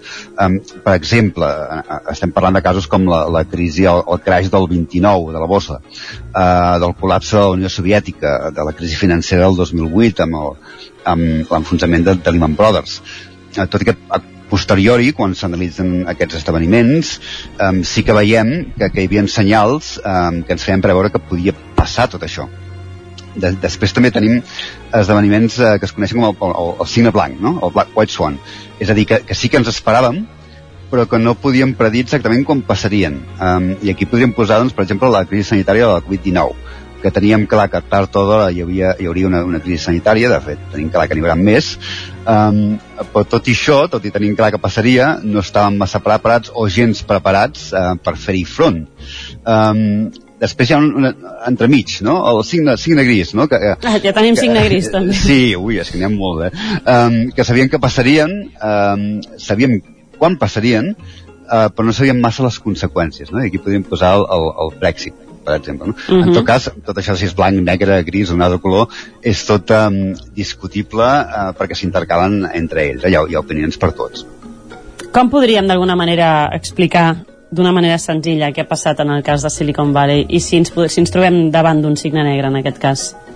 Sí, és, és un, un cas clar de, de, de, de signe negre, un, un esdeveniment atípic que no ens esperàvem massa um, i que ha tingut, o s'ha tingut tenint un impacte molt gran, no? I que no era del tot evident uh, que passaria, um, tot i que si, d'alguna manera sí que es podia preveure que passaria, no? L'exposició que tenia el banc um, en inversions de dipòsits en, en renda fixa a llarg termini, això estava clar um, que, que, era un, que era un risc, que era un perill, no? o, o el cas del Credit Suisse, um, que ha sigut una sorpresa, però tampoc tan sorpresa, perquè ja feia anys que, que acumulava un, un seguit d'escàndols uh, i, una, i una mala gestió de la directiva.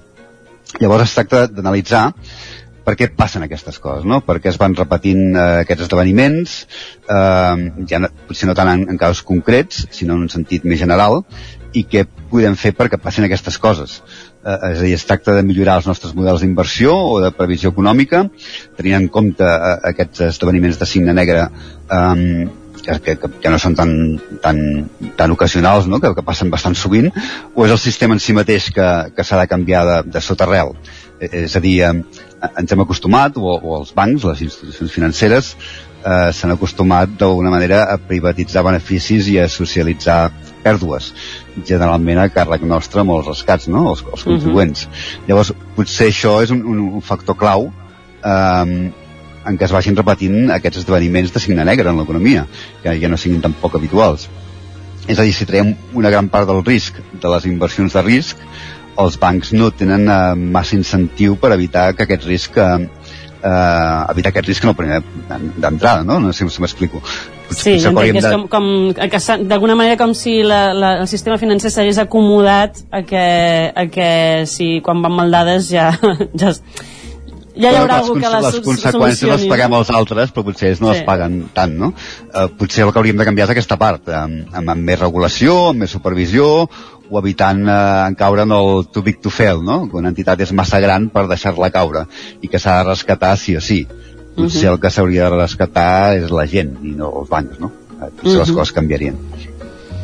Uh, D'alguna manera, tu ja, ja ho deies, eh? ens trobem davant un, un signe negre davant d'aquesta aquesta teoria, no? Què es recomanaria en un cas com el que estem visquent ara o com hauríem de, de funcionar a partir d'ara? Bueno, bueno, el que recomana sempre amb una crisi financera, no? Diversificar l'estalvi, una cosa que sí que, que s'ha fet evident, eh, concretament amb el, amb el cas de Silicon Valley Bank, és el tema de, de, dels dipòsits dels clients, no? que està garantitzat. No? Aquí a Europa el, el fons eh, europeu garantitza uns 100.000 euros, als Estats Units 250.000 euros, i s'ha vist que això era del tot insuficient, especialment en el cas del Silicon Valley Bank, que eren comptes d'empresa la majoria, i que tenien quantitats molt més, molt més elevades que, que això, no? Llavors el govern dels Estats Units, eh, com una cosa excepcional, ha decidit garantitzar el 100% dels dipòsits de, del, del Silicon Valley Bank i del Banc Nova Yorkès, que també va caure poc temps des, després, no? Però és una cosa que no és, no és normal. Normal és que només et garantitzi una petita part, no? Llavors, eh, si no estàs en un banc, si estàs en una, en una, en una fintech, una cosa que sí que tenen les fintechs és que t'han de garantitzar per llei el 100% dels dipòsits a través d'una assegurança, no? Doncs, per exemple, és una cosa que no hi pensem i que quan obrim un compte bancari doncs, eh, és potser de les últimes coses que tenim al cap i ara mateix doncs, podria ser una prioritat no? eh, tenir en compte eh, quines entitats financeres garanteixen el 100% dels nostres dipòsits Com ens afecta d'alguna manera? Sembla, parlem d'aquestes coses i sembla tot com molt llunyà, però aquí a casa nostra, a Catalunya, com, com ens pot afectar, per exemple, aquestes, el cas de Silicon Valley o Credit Suisse? Bueno, el cas concret de Silicon Valley doncs, hi ha moltes startups catalanes doncs, que tenien dipòsits en, en, aquesta, en aquesta entitat. Eh, només amb això ens afecta, ens afecta eh, directament. Les startups estan, eh, estan trobant un cicle ara mateix que els costa molt trobar finançament o que necessiten els, els diners per créixer i ha sigut una mica això que ha provocat doncs, la, la crisi aquesta del Silicon Valley Bank, no? que han volgut, han volgut treure, han treure l'efectiu per finançar-se o per expandir-se i en donar-se compte doncs, que el banc no podia fer front a això doncs hi ha hagut doncs, com, un, com un bank run no? una retirada massiva de dipòsits i ha, i ha provocat doncs, que, es, que es col·lapsi el banc aquest que a vegades pensem que sí que està a 5.000 quilòmetres i això no ens afecta i de fet si mirem el llistat d'entitats de, de, de startups que, que tenien en compte amb aquest, amb aquest banc veiem que hi ha molt, molt, molta part catalana també d'això no? vull dir que de fet sempre ens afecta sempre acaben afectant aquestes coses i sobretot en economia per lluny que sembli que, que passi la història de retruc acaba, acaba arribant. Xavi Vinyoles, moltíssimes gràcies per acompanyar-nos avui, per explicar-nos una miqueta què està passant amb tota aquesta moguda i una miqueta més sobre aquesta teoria del, del signe negre. Moltes gràcies per acompanyar-nos. A vosaltres. Gràcies també, Maria, per ser una setmana més aquí a la plaça, l'espai de nova economia d'11.cat. És moment de posar-nos al dia d'actualitzar-nos al territori 17 amb les notícies més destacades de les nostres comarques. Ho fem en connexió amb les diferents emissores del territori 17. 10 usuaris del Servei d'Atenció Domiciliària de l'Ajuntament de Manlleu participen en el projecte Mirari. Es tracta d'una prova pilot de realitat virtual pionera a l'estat espanyol, Sergi Vives. Tornar al fons del mar, sortir d'un quadre de Salvador Dalí o endinsar-se en la nit estrellada de Van Gogh són algunes de les experiències que han pogut viure els 10 participants del projecte Mirari que ha liderat la cooperativa Aurora amb el suport del Servei d'Atenció Domiciliària de l'Ajuntament de Manlleu. Ho han fet gràcies a unes ulleres de realitat virtual, l'element capdalt d'un projecte que vol mostrar la cara més amable de les seves tecnologies i alhora crear un impacte social del benestar de les persones segons el seu coordinador Ramon Furriols. Sí que sabem que la realitat virtual, el metavers, la intel·ligència artificial són tecnologies que ens crearan molts problemes tant a nivell social com a nivell mental i, i haurem de gestionar-los molt bé. Però nosaltres eh, en aquest sentit i aquest projecte el que vol és donar-li la volta a tots aquests problemes que ens, que, ens, que, ens, que ens donaran aquestes noves tecnologies i les volem aprofitar. Les volem aprofitar fer-les lliures i accessibles a tota la població un impacte que han pogut experimentar els 10 participants al projecte, tots amb un perfil de di divers, tal com desgrana Montse Balada del Servei d'Atenció Domiciliària de l'Ajuntament de Manlleu. Dins de la mostra de, de les 10 persones, les franges d'edat, que la, la persona més jove tindria 49 anys i el més gran 91. La mostra per gènere també intentar que fos el més igualitària possible. Han participat 6 dones i 4 homes i bé, una mica la tipologia ja l'ha dit el Pere, no? Eh, persones amb trastorn mental, eh, amb pocs recursos econòmics, eh, amb bretxa digital, la meitat d'ells, un projecte que finança la indústria cultural de Catalunya i el programa d'Economia Social i Foment del Cooperativisme i que des del primer moment va comptar amb el suport del consistori manlleuenc partidari ara que tingui continuïtat i s'estingui i s'estengui a nous col·lectius. El projecte arrenca ara la fase de producció del contingut que han requerit els mateixos participants per poder anar a través de la realitat virtual a racons de la ciutat de Manlleu o del país, com per exemple Cadaqués. 150 persones assisteixen a l'Auditori Sant Josep de Mollà en l'acte organitzat amb motiu del Dia Mundial de l'Aigua i amb la sequera com a principal preocupació. Roger Rams, Ona Codinenca. Sí, com dèiem, un acte organitzat en el marc del Dia Mundial de l'Aigua i que va tenir com a protagonista principal Eloi Cordomí, el meteoròleg de TV3, que va fer una conferència explicant els canvis climàtics que ha patit els darrers anys la comarca del Moianès i també posava el focus en l'origen de la situació de sequera actual. Cordomí explica que el Moianès té una característica diferent a la resta de Catalunya. Uh, la diferència principal és que aquí al Moianès depeneu directament de l'aigua que cau a la comarca. És a dir, sí que hi ha altres comarques que es poden uh, abastir de l'aigua que cau, per exemple, de les capçaleres dels rius, que després va per als embassaments, que són els que alimenten les grans ciutats, però aquí no. Aquí, bàsicament, les captacions són de, de pous, i aquests pous s'alimenten de l'aigua que cau de la pluja a la mateixa comarca i per tant doncs, és molt necessari que hi hagi aquestes precipitacions en el moment que toca i les sequeres són més preocupants que en cap altre lloc. L'acte va continuar amb una taula rodona on diferents alcaldes de la comarca van explicar la situació de cada municipi i les mesures que es volen prendre a curt i a mitjà termini, com ara la millora de la xarxa d'aigua per evitar fuites o la creació de nous pous de captació. En aquest sentit, Cordomí afegia que cal apostar per la conscienciació de la població i una bona gestió forestal. Interpel·lar directament a la població, fer campanyes perquè que siguin el màxim efectives possible, que no sembli un missatge eh, institucional, sinó que sigui un missatge molt adreçat a la població i després hi ha altres eh, opcions a més llarg termini jo crec que la clau seria això, eh, reutilitzar el màxim d'aigua i, i el que dèiem també fer una gestió de boscos que permeti que, que els boscos facin una millor funció, vagi que s'infiltri més aigua i que n'hi hagi més als pous. L'acte va acabar amb un llarg debat amb la participació del públic assistent interessat per la situació de sequera i les possibles restriccions que es poden donar en cas de que aquesta situació es perllongui el temps. Més qüestions, gràcies, Roger. Anem cap al Ripollès. Presó per dos homes detinguts pels Mossos d'Esquadra que transportaven 22 quilos de marihuana entre Ribes de Freser i la Cerdanya, passant per la collada de Toses. Isaac Muntades, la veu de Sant Joan. Diumenge passat, els Mossos d'Esquadra de la comissaria de Ripoll van detenir a Alp, a la Cerdanya, dos homes de 27 i 29 anys com a presumptes autors d'un delicte contra la salut pública. Durant la mitjanit del diumenge 19 de març, una patrulla que feia tasques preventives de seguretat ciutadana va detectar un turisme que circulava a gran velocitat per la carretera nacional 260, a l'altura de Ribes de Freser. Els agents van intentar aturar el vehicle, però el conductor va fer cas omís de les indicacions i va augmentar la velocitat per fugir. Aquests agents van donar l'alerta als efectius de la comissaria de la Cerdanya per tal tal d'obtenir més suport policial, ja que el vehicle circulava per la G400 en direcció a la Molina. Durant la fugida, el cotxe dels fugitius va envair el sentit contrari de la marxa, posant en greu perill la circulació de la resta d'usuaris de la via. Mentre les patrulles de la Cerdanya feien un control al coll sisè de la localitat d'Alp, els Mossos van veure com el copilot passava al seient del darrere i llançava dues bosses per la finestra. Poca estona després, el cotxe es va aturar i els dos homes van sortir per escapar-se corrents, però la policia els va detenir. En l'escorcoll del turisme, els Mossos van localitzar 380 euros en efectiu i 19 farcells de capdells de marihuana. Aquests, sumats als dos que havien llançat durant la fugida i que s'havien recuperat, feien un total de 21 farcells de plàstics envasats al buit amb un pes de 22 quilos de droga. Els detinguts, sense antecedents policials, van passar el dia 20 a disposició del jutjat en funcions de guàrdia de Puigcerdà i en va decretar el seu ingrés a la presó.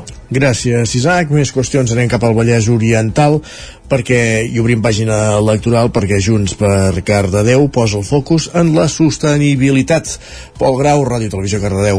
El passat divendres 17 de març, a la Tèxtil Race, Junts per Cardedeu va organitzar una xerrada posant sobre la taula la temàtica de la sostenibilitat del poble. Ens explica Roger Porta, candidat de Junts a la regidoria del Medi Ambient. En general jo penso que la sostenibilitat a Cardedeu, per part dels ajuntaments que hi ha hagut, jo crec que s'ha treballat bé, però sí que és cert que en alguns aspectes no és una cosa exclusiva a Cardedeu, és una cosa, per desgràcia, exclusiva de, gairebé de Catalunya, és el tema dels energies renovables, crec que hem de fer un salt endavant i hem de prioritzar-ho totalment. I penso que s'han fet coses, però que s'han de fer moltes altres coses. Hem de fer molt més del que s'ha fet fins ara. L'acte s'ha iniciat amb els parlaments per part de l'alcaldable de Junts, Xavier Orozco, i dos dels candidats de la llista, Roger Porta i Noelia Lorente. Han esmentat com els cardedeuencs han de poder estar informats dels objectius del municipi fins al 2030 en quant a eficiència energètica. També, com ha d'augmentar la consciència col·lectiva respecte a la sostenibilitat. S'ha donat pas així al ponent Ramon Tramosa, antic diputat del Parlament Europeu i actual diputat del Parlament de Catalunya, que ha dut diversos exemples de països com ara Gran Bretanya o França, on ja s'aposta a gran escala per energies renovables.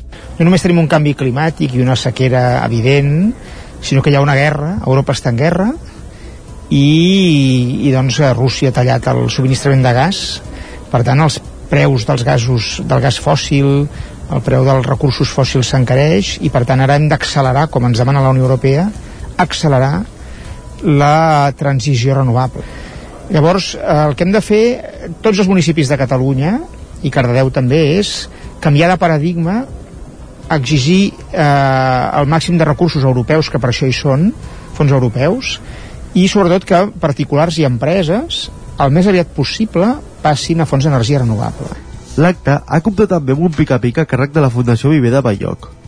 Gràcies, Pol. Obrim pàgina esportiva. El Martinelli Club Patí Manlleu presenta el seu projecte d'igualtat amb una iniciativa pionera per fomentar la igualtat real entre homes i dones dins del club, Sergi. De fet, fa més de dos anys que el club treballa en la diagnosi per analitzar l'entitat en perspectiva de gènere. Un cop fent l'anàlisi inicial s'han definit 20 objectius que el club haurà d'implementar des d'ara i fins al 2025.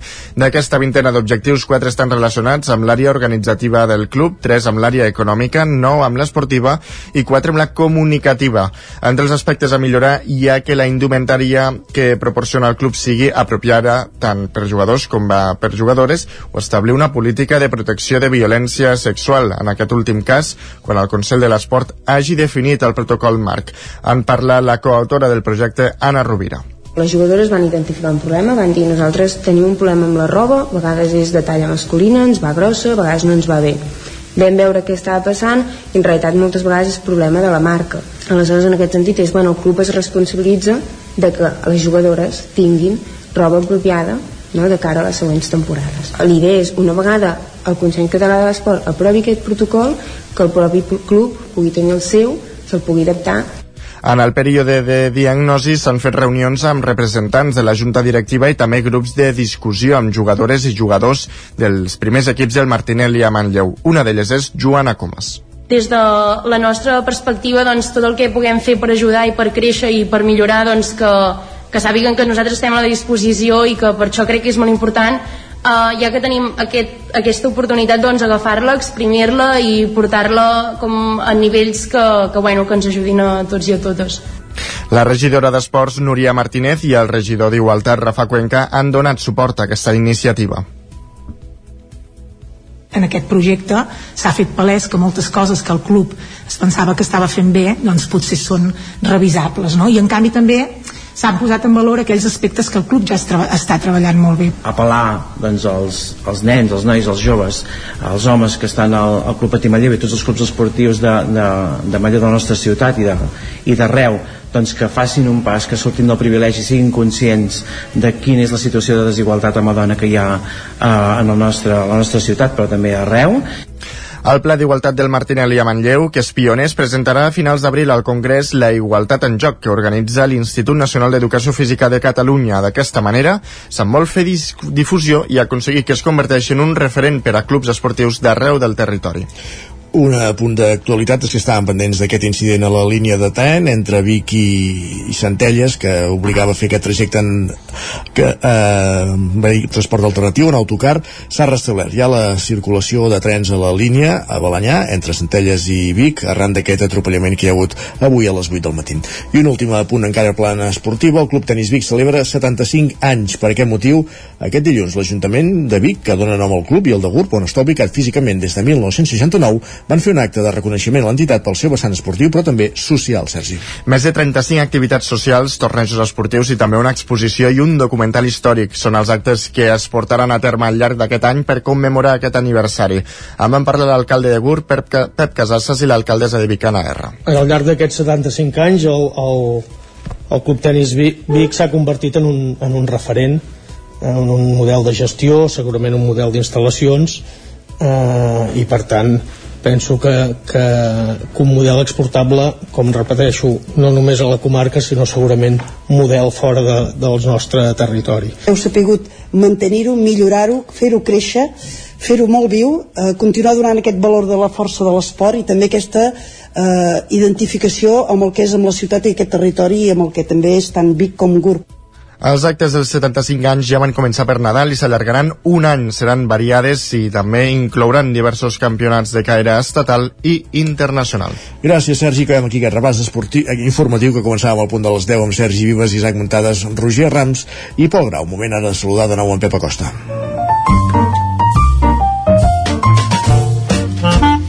Casa Terradellos us ofereix el temps. Perquè volem saber el temps que farà avui, Pep, bon dia. Hola, bon dia. Avui serà un dia molt semblant al d'ahir.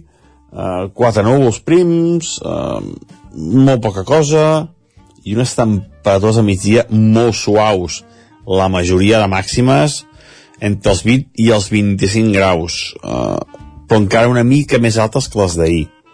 Uh, més valors això, eh, entre 23, 24 i 25 graus. En conjunt més altes més les temperatures que ahir. Uh, uns 5-6 graus més altes del que hauria de ser normal. Mm, és que no no, no, no hi ha paraules no, no sé ja què, què dir perquè és que aviat Uh, la setmana que ve crec que hi ha una, una conferència sobre l'aigua a casa nostra, sobre la crisi que estem patint, i no crec que tinguin gaire les restriccions de, de, de boca de casa, és a dir, que segurament prohibiran l'aigua unes quantes hores del dia, això jo crec que està al caure, perquè és que no, no, no. És impossible que, que hi hagi una, una solució aquest problema que no sigui aquesta, és que no sé, ja no sé què, què, què pot passar més.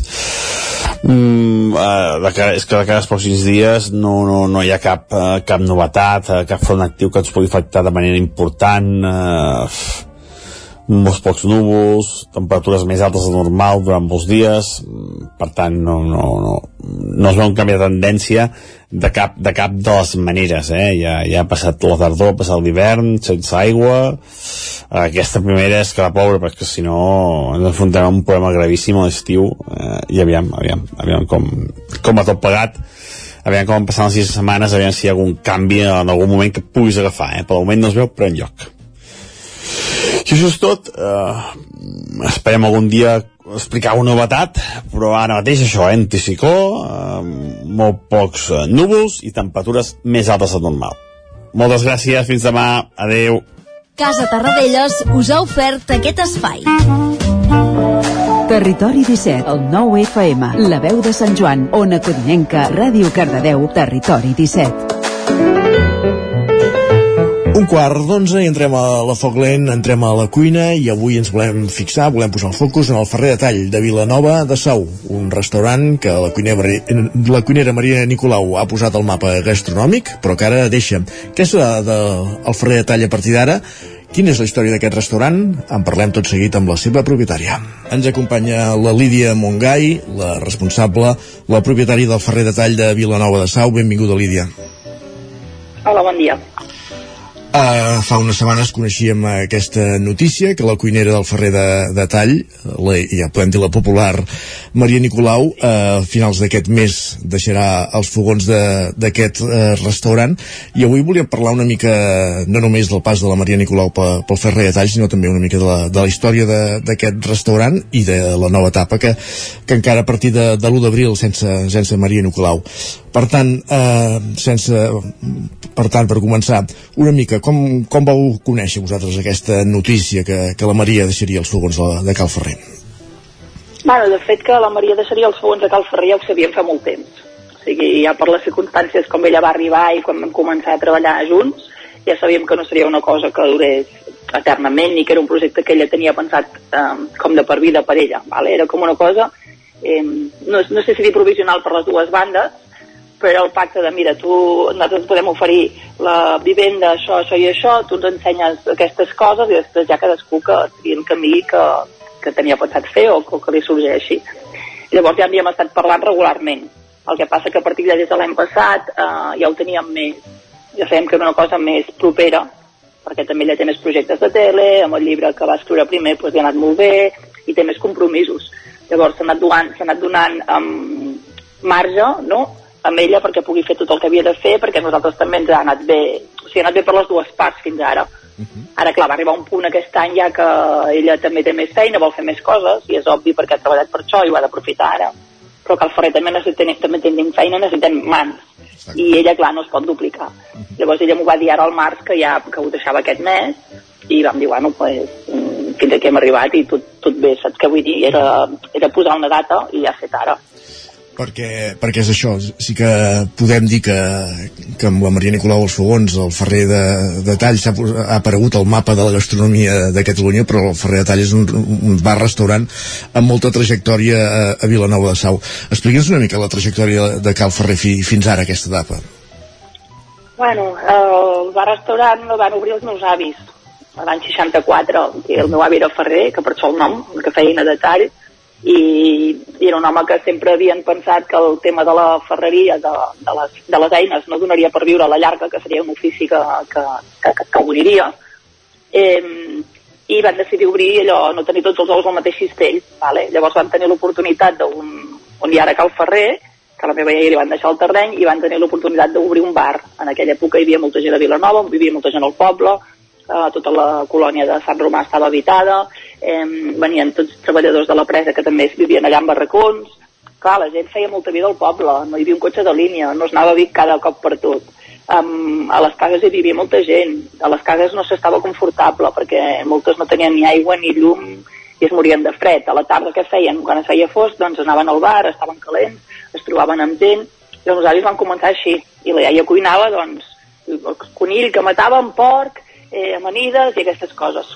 Llavors això va anar evolucionant, quan es va casar el meu pare amb ma mare ho van, s'hi va posar ma mare a la cuina, que també ma mare cuinava molt bé, i bueno, hem anat passant fins que ells es van jubilar, llavors vaig tenir una altra noia, llavors vaig trobar la Nuri, que és la noia que encara tinc ara a la cuina, i fins que va arribar la Maria. Uh -huh. El fet és que sí que el fet de, quan ja vam parlar amb la Maria, la nostra idea era com de, després de tots aquests anys de, de, de vida de Cal Ferrer, potser no havíem tingut un professional a la cuina.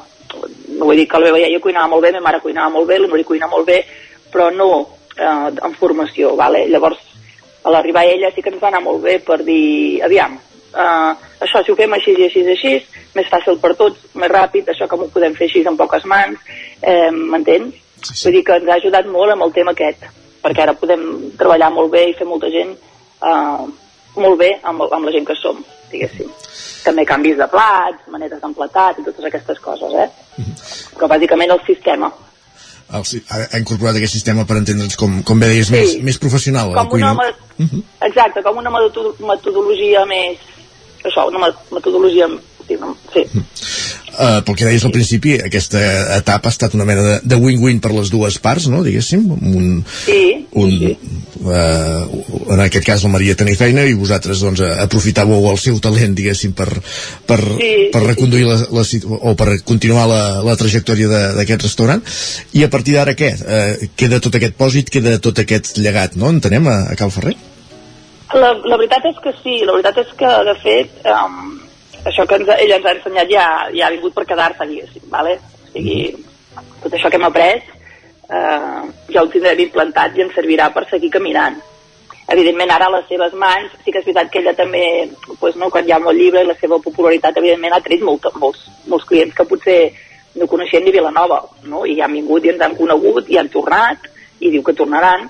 Eh, el que passa que és això, ara sí que de moment eh, ens quedem una mica orfes, de moment no tinc una altra persona, a part de la Nuri, però, però sí que estem buscant un altre cuiner per incorporar-lo a la que surti, ha de ser una persona que també entengui que és Cal Ferrer i, i la cuina que fem en producte d'aquí, i no res sofisticat però ben fet, i, i amb carinyo, saps què vull dir? Perquè Cal Ferrer és molt dels clients, és un local on ens agrada conèixer la gent, eh, que estiguin contents, que tornin, no un, que molta gent, molta gent, molta gent ja està, saps? Llavors una mica això. Ara ella jo crec que sí que ha de fer el seu camí perquè no té més hores i nosaltres doncs ens quedarem amb el que ens ha deixat i a seguir remant. Oh, oh, tant. Ara eh, apuntaves cap aquí la, que, que, que entengui la cuina de, de Cal Ferrer, eh, però parlaves de, de cuina de proximitat i cuina tradicional. Són aquests els trets característics de, de la vostra proposta? Sí, clar, no sé què vol dir cuina tradicional. Jo crec que la cuina que, que sí, que es fa aquí, sí, que es feia i que s'ha fet tota la vida amb el producte d'aquí, amb el que tenim aquí com, i la manera de cuinar, perquè jo penso, no sé si només ens passa aquí a Vilanova o, bueno, jo crec que en general tota la comarca o totes les zones, eh, però que tenim una manera peculiar d'entendre els gustos, tenim uns gustos peculiars, una manera no, de fer, de cuinar les coses diferents potser d'altres zones. Llavors també si tu vols fer un plat, amb la Maria també ho dèiem, no? és que potser podem fer aquest plat, però si tu t'entestes molt que vols fer un plat perquè a tu t'agrada molt i queda molt bé, però després no te'l compren, per X, perquè no t'agrada, perquè el troben cru, perquè no t'agrada així, perquè allò no es menja, no et serveix de res, perquè al final un negoci es tracta de fer benefici, saps que vull de vendre i tenir ingressos. Està clar. Llavors és una mica això. Eh, els plats que ha portat la, la Maria a la carta s'hi quedaran o hi haurà renovació? Eh, serà una cosa Al gradual? principi alguns es quedaran i evidentment alguns altres pues, haurem de veure què fem, a veure com avancem, perquè ara també tocaria fer un canvi de carta, eh, clar, ella no l'ha pogut fer perquè ja m'ho va dir, ara tocaria fer-ho, jo no tinc temps per fer-ho, llavors ara, ara hem de sortir, que ens trobem ara és que ara clar, ve l'1 de maig, ve Setmana Santa, saps? I ve l'estiu. Llavors ara amb els que som sense ella ens apanyem amb el que tenim, diguéssim, no? Ho tenim rodat, ho- surt bé, Llavors, no sé si ens arriscarem gaire a fer gaires canvis ara com ara. Fins, després al setembre ja fem vacances, llavors tenim més temps de pensar-hi, saps? O sigui que en principi la idea és seguir amb això. Abans ens explicaves els orígens de, de Cal Ferrer, de quan el van obrir els teus avis, que Vilanova era un poble que, que mm, amb, amb poca assiduïtat se sortia d'aquí. Ara, eh, en canvi, esteu enmig, en ple fenomen Instagram, diguéssim, no? El Pantà de Sau, l'església de Sau atrau molts visitants i, i molts d'aquests visitants mengen. O sigui que ara estem en aquest parèntesi d'excepcionalitat que, que no s'hi pot accedir pel tema de, de la retirada dels peixos, eh? Però diguéssim, aquest fenomen Instagram eh, ha, ha, esclatat els últims anys, ha coincidit també amb la presència de la Maria, però clar, eh, ara mateix esteu Oh, en un, punt, en un punt de feina espectacular, no? Aquest és que sí, ara no, no tenim temporada baixa, que ja està bé, fa molt temps. Uh -huh. També entre, entre poc i massa, és el que diem, eh? de vegades gestionar també massa volum de, de gent, perquè no és... O sigui, fins ara sí que hi ha, al principi hi havia molta gent que venia per la Maria, és el que dèiem, eh? Perquè, bueno, la van sentir a la ràdio, no sé què, però també s'ha juntat moltes circumstàncies. La postpandèmia, que molta gent um, ha decidit jo, saps, fer turisme d'interior o anar a llocs potser més desconeguts o no tan turístics eh, que abans, uh, la, la sequera que ha fet que el pantano no parés de sortir per la tele el campanar, que si era els peixos, que això és brutal, perquè clar, cada hora que obres la tele hi ha el pantano de Sau i la gent allà on saps el que surt per pantalla. La Maria a la tele aquest any, que ja feia ràdio però el mateix, sortir per pantalla pues, et dona molt d'allò. Eh, després també a principi de tardor va venir, van, van, passar, bueno, van venir a gravar el, el programa del Foraster, que també el van emetre a l'octubre, saps què vull dir? Llavors vull dir que ha estat una mica... Sí que ara et trobes que molta gent ve per nosaltres, evidentment, però que també hi ha molta gent que no ve perquè ens conegui, sinó venen precisament per visitar el pantà i clar, mengen allà on troben, on, on troben un local per menjar. I sí que et miren les, les, les crítiques i et diuen, ah, mira, hem vingut aquí perquè hem vist que era bo, o que tenia bones crítiques, però no potser específicament per mi o per la Maria, saps què vull dir? Que s'ha juntat, és el moment, i que ara espero que quedi alguna perquè millor ara passa això i després ningú se'n recorda de Vilanova, saps? Tot, Però de totes maneres ja teniu una base perquè és això, una trajectòria de, de 50 anys no, no es fa de la nit al dia i a més a més, no sé, amb el tema d'esmorzars de forquilla, etc etc, és una cosa que Cal Ferrer ja tenia la seva clientela en aquest aspecte, no? Sí, jo sempre he agraït que nosaltres, inclús jo crec que post-pandèmia i quan vam obrir, perquè ja hem tingut tancat bastant temps per la pandèmia, sempre dic que donar les gràcies de que tenim bona clientela de la comarca, o bueno, sí, de la zona, tots venen d'aquí, no? de motos, bicis, gent que va caminant, que ja dic jo caçadors, que ja fa molts anys que ens coneixen i, i s'han mantingut fidels, que també és d'agrair, perquè és una mica de... sempre que tens aquell, aquella xarxa, saps? Que no sigui molt, però no sé, i també és com una recompensa dir, bueno, passes èpoques, passes fases, amb 50 anys et passen moltes coses, no? Com a persona i com a sí. negoci, però que la gent segueixi, doncs, també està bé perquè pues, alguna cosa vam fer bé. Tens que vull dir. Sí, està clar que sí. Llavors, bueno, Uh -huh. Lídia Montgai, propietari de, del Ferrer de Tall de Vilanova de Sau, aquests dies ha estat notícia per l'anunci de Maria Nicolau que, que deixava els fogons a finals d'aquest mes. Hem volgut parlar amb vosaltres també, doncs això, per, per desitjar llarga vida a Cal Ferrer, que l'etapa s'acaba l'etapa de la Maria, però no la, la del restaurant ni molt menys. I, i avui volíem recollir-ho aquí a la Foc Lent, al territori 17. Moltíssimes gràcies. molt bé, gràcies. Adéu.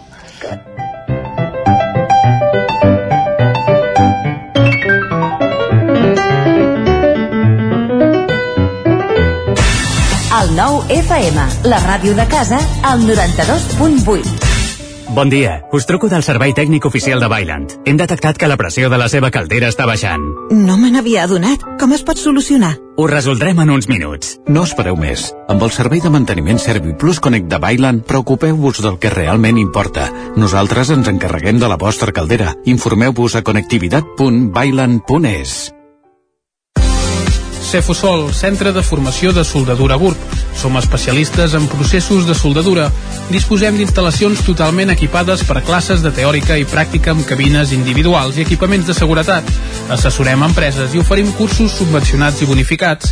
Vine i t'informarem. Cefusol, som al carrer Sant Roc número 9 de GURB. Telèfon 664 206 192. També ens trobaràs a cefusol.com i a YouTube. El 25 de març arriba l'Ubic Fest, les portes obertes de la Ubic convertides en un festival. Coneixeràs tots els graus i cicles, rebràs orientació universitària i viuràs emocions que et posaran la pell de gallina. Inscriu-t'hi ja a ubic.cat barra JPO presencial. El dissabte 25 de març vine a l'Ubic Fest, unes portes obertes que et posaran la pell de gallina. Mercat del Ram, un ramat de mercats. Diverteix-te, viu la cultura i les tradicions, cultiva relacions, impulsa el teu negoci, gaudeix de la música i la gastronomia. Mercat del Ram de Vic, del 31 de març al 2 d'abril. Ja saps quin és el teu mercat? Troba'l a vicfires.cat. A Boi Galtés trobaràs tot el que necessites relacionat amb l'equitació, t'assessorem i t'equipem amb tot el que et faci falta. Som especialistes. No ho dubtis i vine a Boi Galtés. Ens trobaràs al carrer Jaume I de Vic, número 5, al 93 886 1420. A la nostra web www.boigaltés.es i també som a Instagram boigaltés.equitació.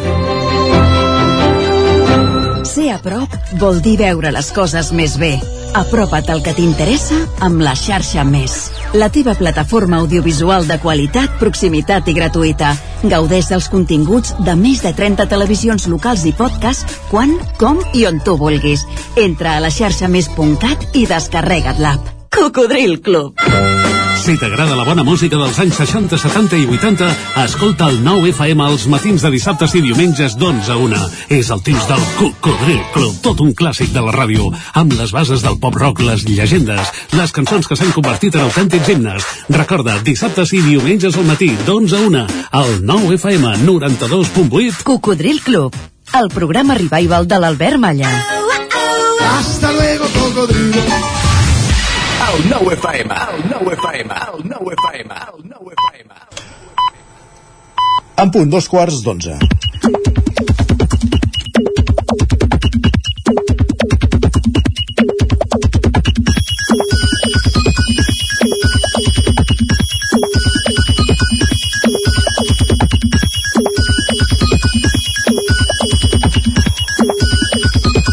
La sintonia de, l'Hora Sánchez ja ressona al territori 17, per tant vol dir que a l'estudi tenim en Guillem Sánchez, a punt amb les piolades del dia. Guillem, què has trobat, què has descobert, què ens portes? Doncs mira, que la gent, com dèiem ja aquesta setmana, té moltes ganes de calor, de canvi d'hora, de vacances i de coses que no li facin I, preocupar I ningú té ganes de pluja, perquè jo tinc moltes ganes de pluja. També, també passa que em És sembla dir, que... que plogui tot arreu menys a Ripoll, que han de fer la fi de les 40 hores. Ja. Per exemple, passa que llavors quan ho has d'escriure i ha de quedar palès en algun lloc, ja dir que vols que plogui potser, no sé, queda una mica contra, contracorrent. Doncs ara, potser. doncs ara sí- hauria de ser el corrent. Va. I, i tant.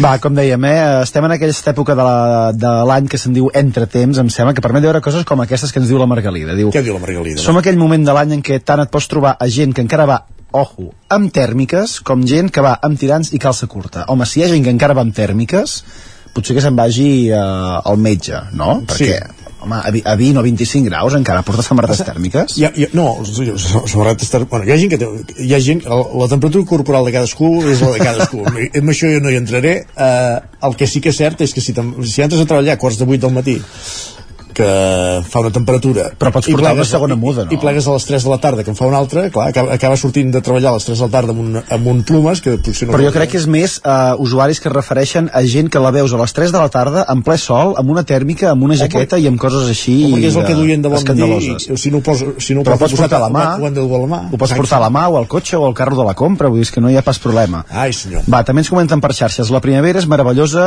sí, però de veritat que passen els anys i una segueix sense saber gestionar això de combinar roba d'estiu amb la roba d'hivern i no saber si passaràs fred o calor.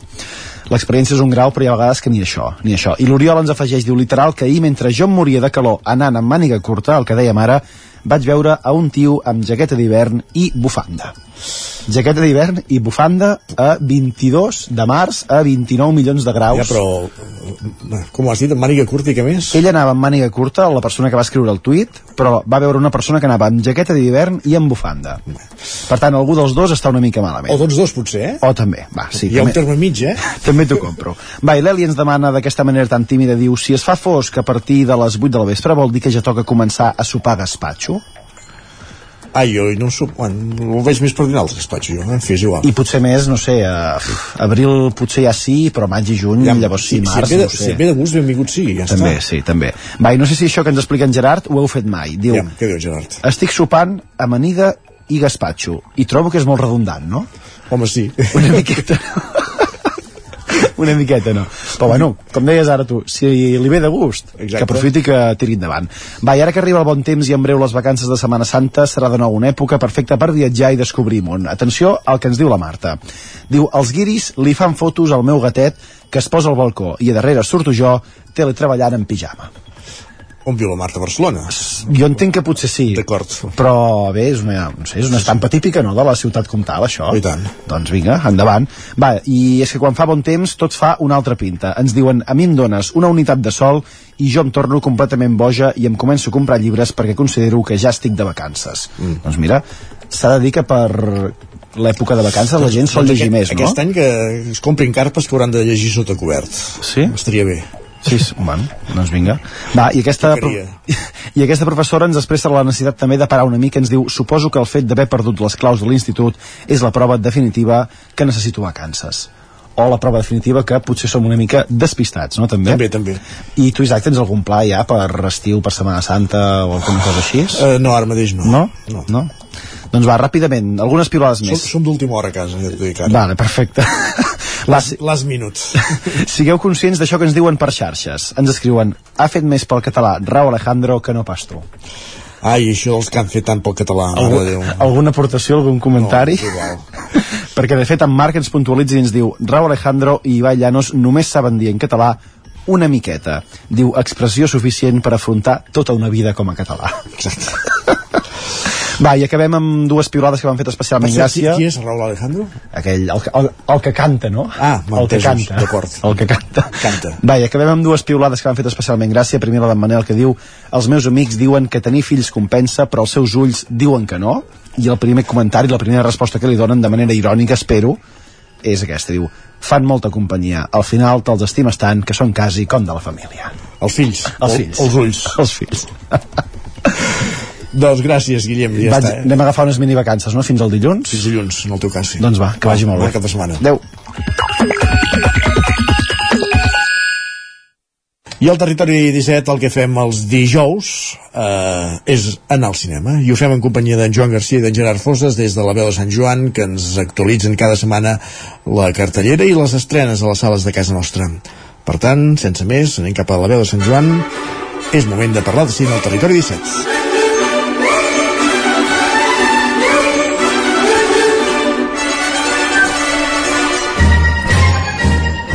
I com sempre amb aquesta sintonia, moment de donar la benvinguda amb en Gerard Fosses. Hola Gerard. Hola, què tal? Quan sona aquesta cançó t'imagino a tu allò amb una gabardina, amb un gorro així de pel·lícula antiga, anant cap al cinema, pujant allò, enfilant-se un bus d'aquests que no tenien portes, no? agafant-te una barra Exacte. per només fer 10 metres. I, i, que està, I que està nevant o plovent, probablement. Exacte, tornant a saltar després eh, i anant corrent, saludant algú esquivant, esquivant un venedor de diaris que xoques contra ell Travessant el carrer sense mirar, no? Exacte. Sense, sense pas de zebra ni punyetes. exacte, exacte eh, no és, és, és exactament això, és exactament això. és així, no?, com vas al cinema cada setmana Jo, jo al cine hi vaig així, és, és molt car perquè cada- s'ha de muntar tot aquest tinglado, però val la pena. molt bé molt bé, doncs um, escolta, uh, som-hi? Sí, som-hi, i, i ja et dic que eh, aquesta setmana aniré al cine amb, amb tota aquesta parafernàlia muntada perquè s'ho val, Mhm. eh, és dia de festa major perquè la primera pel·lícula que s'estrena és John Wick 4. ¿Estás diciendo adiós? Estoy diciendo hola. ¿Crees que tu mujer te oye? No, ¿Y por qué lo haces? puede que me equivoque. Vas a morir. Puede que no.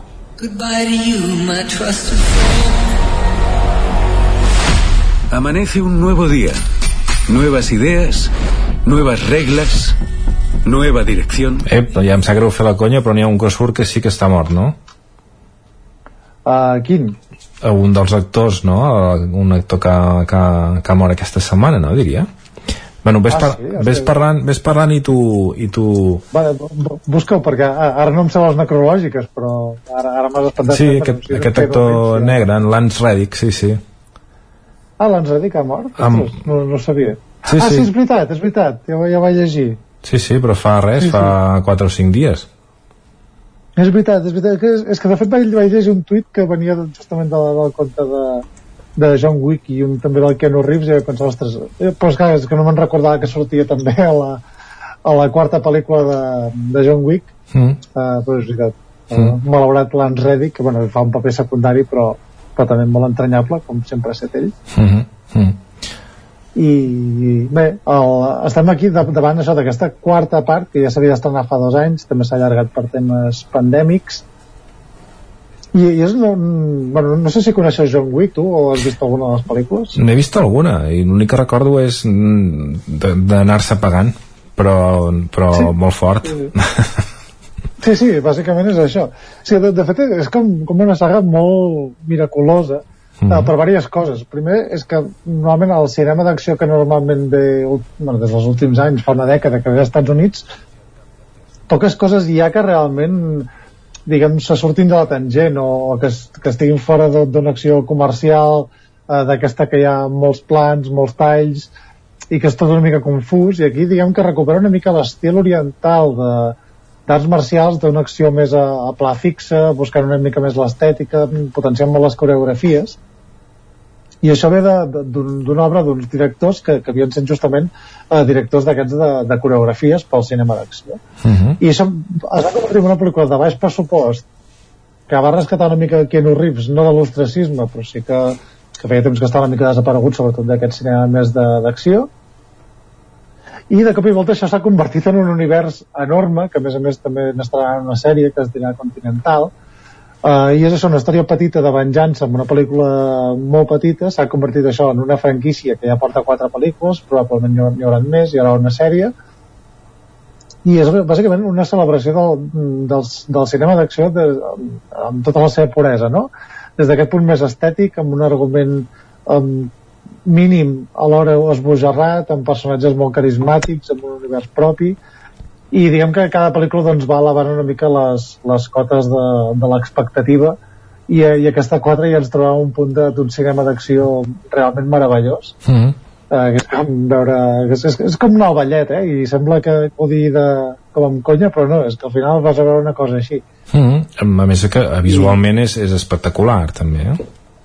Sí, sí, sí, i a més pues, això quan està ben fet, eh? que tens la càmera allà posada que tu veus exactament els moviments eh, veus el cansament també i, i bé, doncs disfrutes doncs, de de- d'aquest sentiment pur del que és el cinema i que és una imatge en moviment i que, que és cinema d'acció no? Mm. Uh, jo crec que aquesta és la pel·lícula que estan a veure aquest cap de setmana. Uh, teniu l'oportunitat de recuperar les altres que estan a, a plataformes, n'hi ha alguna a Netflix, també estan a per HBO, o sigui que um, és una bona oportunitat per posar-se al dia i anar a disfrutar de, del cine de Mamporros que es deia abans. Mm. Cal veure les altres per, per, per anar seguint, s'han de mirar per ordre, es pot veure una pel·lícula saltada. Um, és convenient veure-les per ordre, perquè la trama és mínima, però, però bé, diguem que les pel·lícules van enganxant una darrere l'altra uh, però, però diguem el segon, saps? On s'acaba la, la segona comença la tercera i, i van fent. Mm. No sé si amb la quarta segueixen la mateixa tònica, perquè encara no l'he no pogut veure, però, però sí, diguem que no et perds molt a nivell de trama, però, però sí que et posa en context de tot aquest univers, que dic que és, és la part més interessant, realment. Molt bé, doncs pel·lícula que podrem veure, entenc que els dos, els dos cinemes de, del nostre territori set, els, els grans, eh, el Sucre i el cine de Granollers. Sí, efectivament. Molt bé, i la següent també, que és?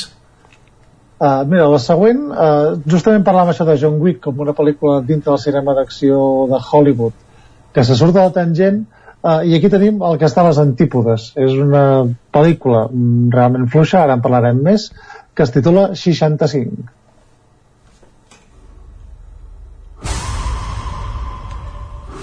Me llamo Mills. Era el piloto de la nave. Nos hemos estrellado en un planeta desconocido. Somos los únicos supervivientes. No sé dónde estamos, pero ahí fuera hay algo. Una criatura alienígena.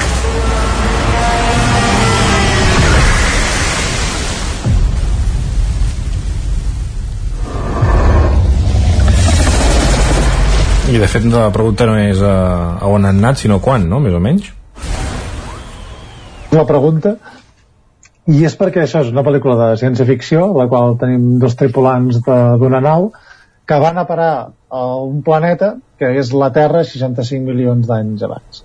Uh -huh. Uh, és com una, una mica el concepte de, del planeta dels simis uh, a la inversa, no? Allà va, acaben a la Terra del futur, aquí acaben a la Terra del, del passat, i doncs la pel·lícula és la història com intenten escapar-se d'aquesta Terra i alhora hi ha com una missió de rescat també per, per intentar-lo salvar. Uh -huh. Uh, el, la comparació aquí és, és, és injusta quasi bé perquè no, no hi ha color uh, aquesta és una pel·lícula completament això eh, que surt d'una idea esbojarrada que podria funcionar molt bé com, com la típica pel·lícula ciència-ficció que, que funcionava molt bé als anys eh, 50, 60 no? aquestes idees esbojarrades eh, alhora molt nobles, molt humils però clar, aquí ja estem eh, parlant d'una pel·lícula de molt alt pressupost eh, diguem que amb ambicions molt més altes i eh, és una pel·lícula completament insulsa no, no està ni ben dirigida, els efectes no estan ni ben acabats, que això és un problema molt greu del Hollywood actual sobretot amb els blockbusters, que, que estan mal fetes directament. Mm. i, i bé, no hi ha massa res per salvar, o sigui, jo aquí la destaco com a estrena important de la setmana. Òbviament, és una pel·lícula que entretinguda, per qui, per qui s'entretingui amb això però, però vaja, és que no, no té res, és que a més a més ja, ja la, la pròpia premissa sembla que et crea un misteri que quan ja se't desvella en el propi, la pròpia sinopsis, no? Per tant, o amb el títol de la pel·lícula, et diria fins i tot. Mm.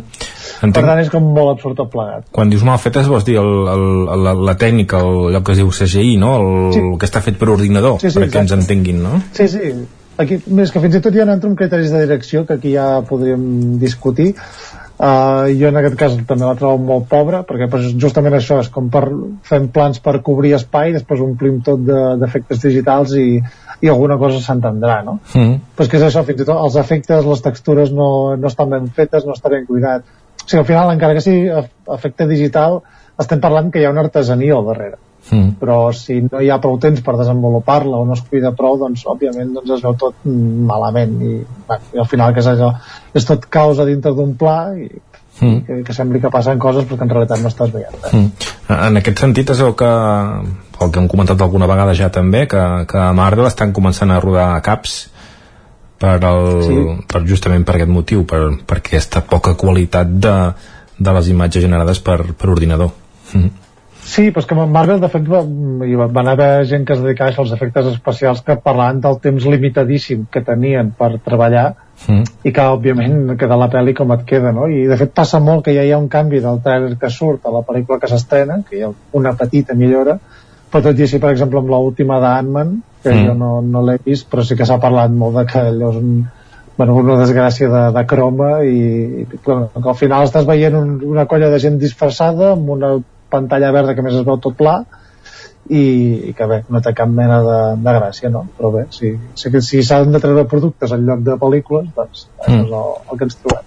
Res, d'aquí dos dies estarà tot fet per intel·ligència artificial Sí, I- és que hi ha aquest tipus de, de, de pel·lis ja les poden fer per intel·ligència artificial. O sigui, Mm. mm. No molestaria ningú que es dediquin a, a invertir en altres coses que puguin ser més, més interessants. mm. Molt bé, doncs 65 que es podrà veure als dos cinemes Sucre i Ocine i la següent ja és d'aquestes de teva d'arqueologia Ah, exacte, sí, ara, ara feia unes quantes setmanes que no em posava cap, però... que no, ja t'ho vaig dir, no estic, no estic d'acord amb el nom eh? Sí, però no, no n'he sabut trobar un altre, eh, d'aquests. Eh, perquè ja, ja buscarem. si, si fossin velles podria ser arqueologia, no entenc però Clar. Uh, no sé No sé, bé, com, que de cara a la temporada que ve eh, vam dir que canviaríem també la, la sintonia, doncs Mm. ja intentarem canviar el concepte aquest. molt bé doncs vinga, fins a l'estiu amb Però aquest bé. digues, quina és la pel·lícula de- d'arqueologia? La pel·lícula d'arqueologia és uh, una pel·lícula francesa que, que recorda una mica el, el cinema aquest tan plàcid de- d'Eric Romer de, de bueno, històries d'amor um, així fugaces en, en èpoques de l'any no? o Eric Romer que té cuenta de primavera, de verano i bueno, totes les estacions com Vivaldi i en aquesta línia doncs, es presenta una pel·lícula d'Emmanuel Muret de França que es titula Crònica d'un amor efímero. Es más, llevaba siglos sin besar a otra mujer. Podemos seguir de copas, pero siento un deseo irresistible de hacer el amor contigo. Vale, un momento. Qué rápido va todo. Eh, he dicho todo lo que tenía que decir sobre mi mujer y mis hijos. Y también que no soy nada bueno en la cama. Ah, no? Eso no lo has dicho. Doncs important, perquè justament és el que anaven a fer. Sí, exacte. Uh, però bé, com veiem, òbviament hi ha, hi ha un to de, de comèdia, uh, i és una pel·lícula d'aquestes uh, petitetes, uh, que, que a més a més funciona com, com per capítols, no? que són les trobades que van tenint aquesta parella, en aquest cas és una mare soltera i un home casat, que, que es converteixen en amants, i decideixen mantenir-ho com això, com una aventura sense perspectives d'una relació de futur, no?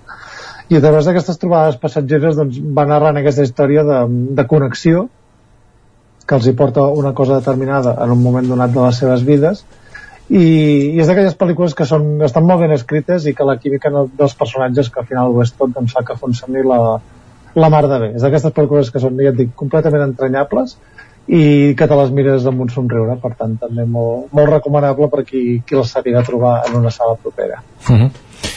Molt bé. Um, I amb actors també que deuen ser molt bons, perquè com que no són guapos, no? En, Exacte. Vull dir que, han, han, que, que... No, no han tingut aquest requisit, per tant han pogut anar a buscar actors bons per fer aquests papers. Sí, i això és una tècnica que m'agrada, eh? Últimament hi ha, hi ha moltes d'aquestes pel·lícules tipus comèdia romàntica que hi ha actors i actrius que no són especialment atractius, Mm -hmm. uh, i és interessant aquest canvi de, de, de rol també, aquest canvi de perspectiva. Mm. Molt bé, doncs ja les tenim totes, John Wick 4, 65 i Crònica d'un amor efímero i ara vols tornar a parlar d'una cosa que també ens agrada, agrada molt en aquesta secció que són els festivals i un que ens toca ben de prop. Sí, exacte, perquè això realment és notícia de fa més setmanes, però sí que entre Oscars i tot plegat no, no, no havíem tingut marge per parlar-ne. I, i volia comentar una mica que, que fa uns dies es va presentar el, el, ja el cartell del, del Festival Nits de Cinema Oriental de Vic, festival que se celebra eh, del 18 al 23 de juliol aquest any i que celebra el seu 20è aniversari eh, en un, un acte de premsa que també es va fer una preestrena d'una pel·lícula es va presentar la imatge del festival que en aquest cas és, és, un, és un ginkgo que és un, un arbre mil·lenari que també representa la, la saviesa i, i una mica també el, el pas del temps, que és una mica el que, el que vol celebrar aquest festival, no? la, la saviesa acumulada però també el temps que encara queda per, per córrer. I realment és un dels cartells més bonics de, dels últims anys, és veritat que s'ha treballat d'una manera molt, molt artesanal. I, i bé, també van aprofitar per començar a anunciar els primers títols, com per exemple Sacra, eh, la nova pel·lícula sí, blockbuster eh, xinès amb Donnie Yen com a protagonista. Donnie Yen que per cert és el dolent de Jungle 4 eh, o sigui que per partida doble el tenim aquí uh, un festival nits que també apostarà molt per, aquest, per aquest cinema més cafre, més estil de mitjanit amb pel·lícules com Mutant Ghost Wargirl i algun altre que no puc comentar però que sé que, que està per allà i que té a veure amb taurons i zombis mm -hmm. i després una comèdia romàntica d'aquestes amb caràcter molt surrealista amb un, amb un humor molt esbojarrat propi del cinema japonès com és Convenience Story que també podem veure no sé si a la Bassa o a l'Atlàntida però bé, mantenim aquestes dues localitzacions feliçment, per tant això, que tenim una cita a l'estiu amb, el, amb aquest festival de cinema Molt bé, doncs um, queda dit i ja en parlarem també més endavant. I anem a fer un repàs ja per acabar dels, de les cartelleres de les pel·lícules que podem veure la resta del territori. El cinema Comtal de Ripoll tota la vez en totes partes que fa, doncs, té, té sentit perquè es pot veure a Ripoll però també doncs, a, a les plataformes ja també. Per tant que està, sí, la sí, pel·lícula i, està i el Sucre i, i altres escenes. I aviat el posarem al Cineclub de Vic que aquí mm. també fa bastanta gràcia que he de dir que es va programar aquesta pel·lícula al Cineclub i en parlarem al seu moment pensant que dius, bueno, rescatem aquesta pel·lícula que ha passat desapercebuda i de cop i volta te la trobes amb set Òscars. de moment te la, de moment te la, de moment te la trobes a, a tota la vez en totes partes um, Sí, exacte. i també El asombroso Mauricio Sí, i també recordem sessió de Cineclub Àric a Ripoll amb la pel·lícula de, de Quiet Girl, que és una, Mm. és una molt bona pel·lícula, aquesta la, la recomano molt, perquè és d'aquelles pel·lícules que no té conflicte però que t'enganxen com, com una mala cosa. molt bé, el casal Camprodoní el Triángulo de la Tristeza, en vam parlar també al seu moment Sí. el Cinema Catalunya de Ribes La Emperatriz Rebelde Sí, aquesta l'han pillat per sorpresa. És una altra pel·lícula sobre la- l'emperadriu Sissi, que hi va haver un temps que estava molt de moda, doncs, fer-ne pel·lícules. Uh, i, bé, I en aquest cas n'han fet una nova versió amb, protagonitzada per Vicky Cripps, que els més cinèfils la recordareu de El hilo invisible. A les bases de Cardedeu, Joyland. Sí, aquesta és una pel·lícula pakistanesa que, que ha tingut molt de circuit per, per festivals i, i és una pel·lícula molt interessant perquè parla això d'una d'una família uh, pakistaní tradicional completament patriarcal i és que el, el seu fill més jove doncs uh, s'involucra en una companyia de, de dansa eròtica I és uh, una, una premissa bastant jugant molt bé. El cinema a l'Ambra de la Garriga, ostres, um, cada cop és, és espectacular la gestió que fan de... Perquè, com vam comentar, que només tenen una sala, crec, i... Sí, sí. i dues, no? Has dit, sembla? una o dues, sí, però, però és espectacular que, que, que les pel·lícules que hi acaben encabint, és a dir, hi han Sí, com sí. fins a nou propostes aquests pròxims dies, vull dir que amb, amb, amb, una sessió du, dues, tres com a màxim, no? però, però és espectacular perquè realment eh, pots anar a veure, tens la, un, un munt d'opcions, eh? Eh, no sé si vols fer un repàs Sí, exacte. ràpid. Bueno, des de cinema infantil amb Mòmies o Vainilla, també fan Joyland, segueixen fent uh, La ballena, Toda la vez entre les partes, també fan The Quiet Girl per tercera Mm. setmana consecutiva i recordem que Asbestes es manté per 17 Mhm. mm. setmana ja. déu nhi Un dia vull saber si, si encara hi va gent o no. Ja vam saber la setmana I- i si- passada que sí, però, però van anar I si la actualitzant. posen de veritat o no. Exacte. El Casal de Gràcia de Manlleu, Suro, Sí, aquesta sessió mensual del cicle Gaudí, en aquest cas per, per la pel·lícula de Miquel Correa. El Cineclub de Vic, al Xic hi ha una, una preestrena de- d'aquesta pel·lícula documental, no? Gavi? Sí, aquest Gavi és una pel·lícula que, que parla sobre el, el gènere líquid, en aquest cas, si és això un film documental, que és sobre aquesta identitat amb, això, amb una que se, que se sent noia. I per últim, el Cineclub no xic, el, La peor persona del mundo. Sí, una pel·lícula que va tenir molt predicament també l'any passat, pel·lícula de, de Joaquim Trier, i, i bé, que segueix la, la història i la vida d'una noia que se sent perduda en el món com, com ens passa també a molts i és com una més aquesta crisi permanent de, de la gent de, això, de, de 30 fins a 40 anys no? que, com, com s'ha trobat en, en un món que no, no hi acabes d'encaixar i Mm. és una pel·lícula que, que funciona molt bé com a comèdia, comèdia negra eh, pel·lícula romàntica Mm. Sí, que té, té, té molts estils, té una mica aquest eh, topillo hipster que va desfar ràbia, que també atrau moltes vegades, Mm. però, però realment és una, una molt bona pel·lícula.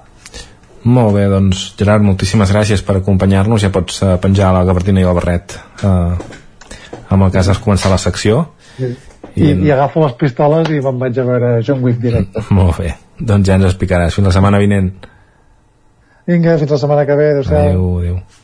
Territori 17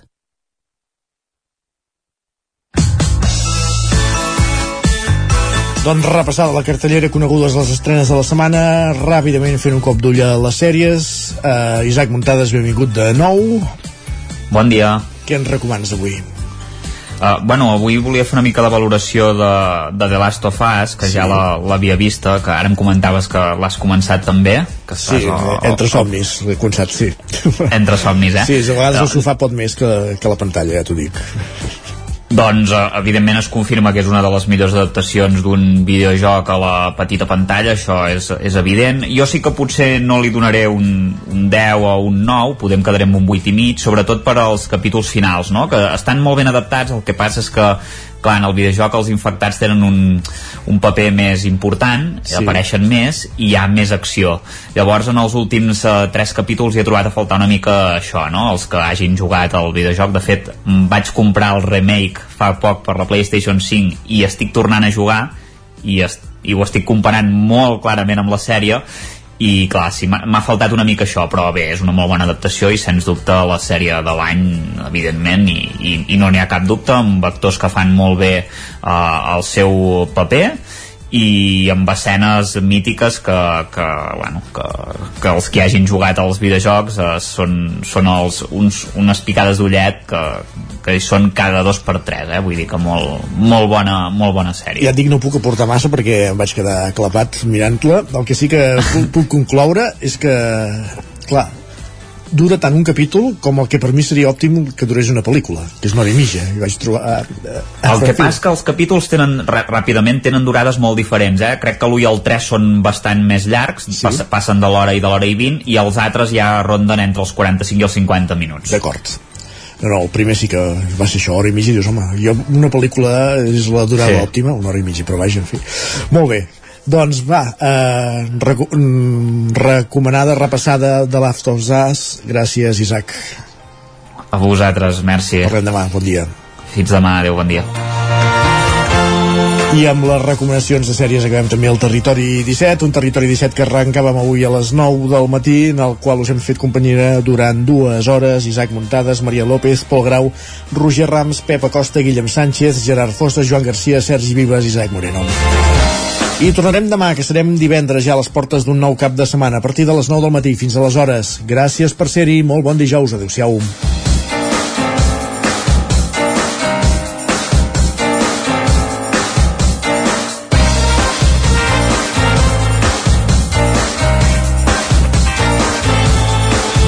Territori 17 un magazín del nou FM. La veu de Sant Joan, Ona Codinenca i Ràdio Cardedeu amb el suport de la xarxa.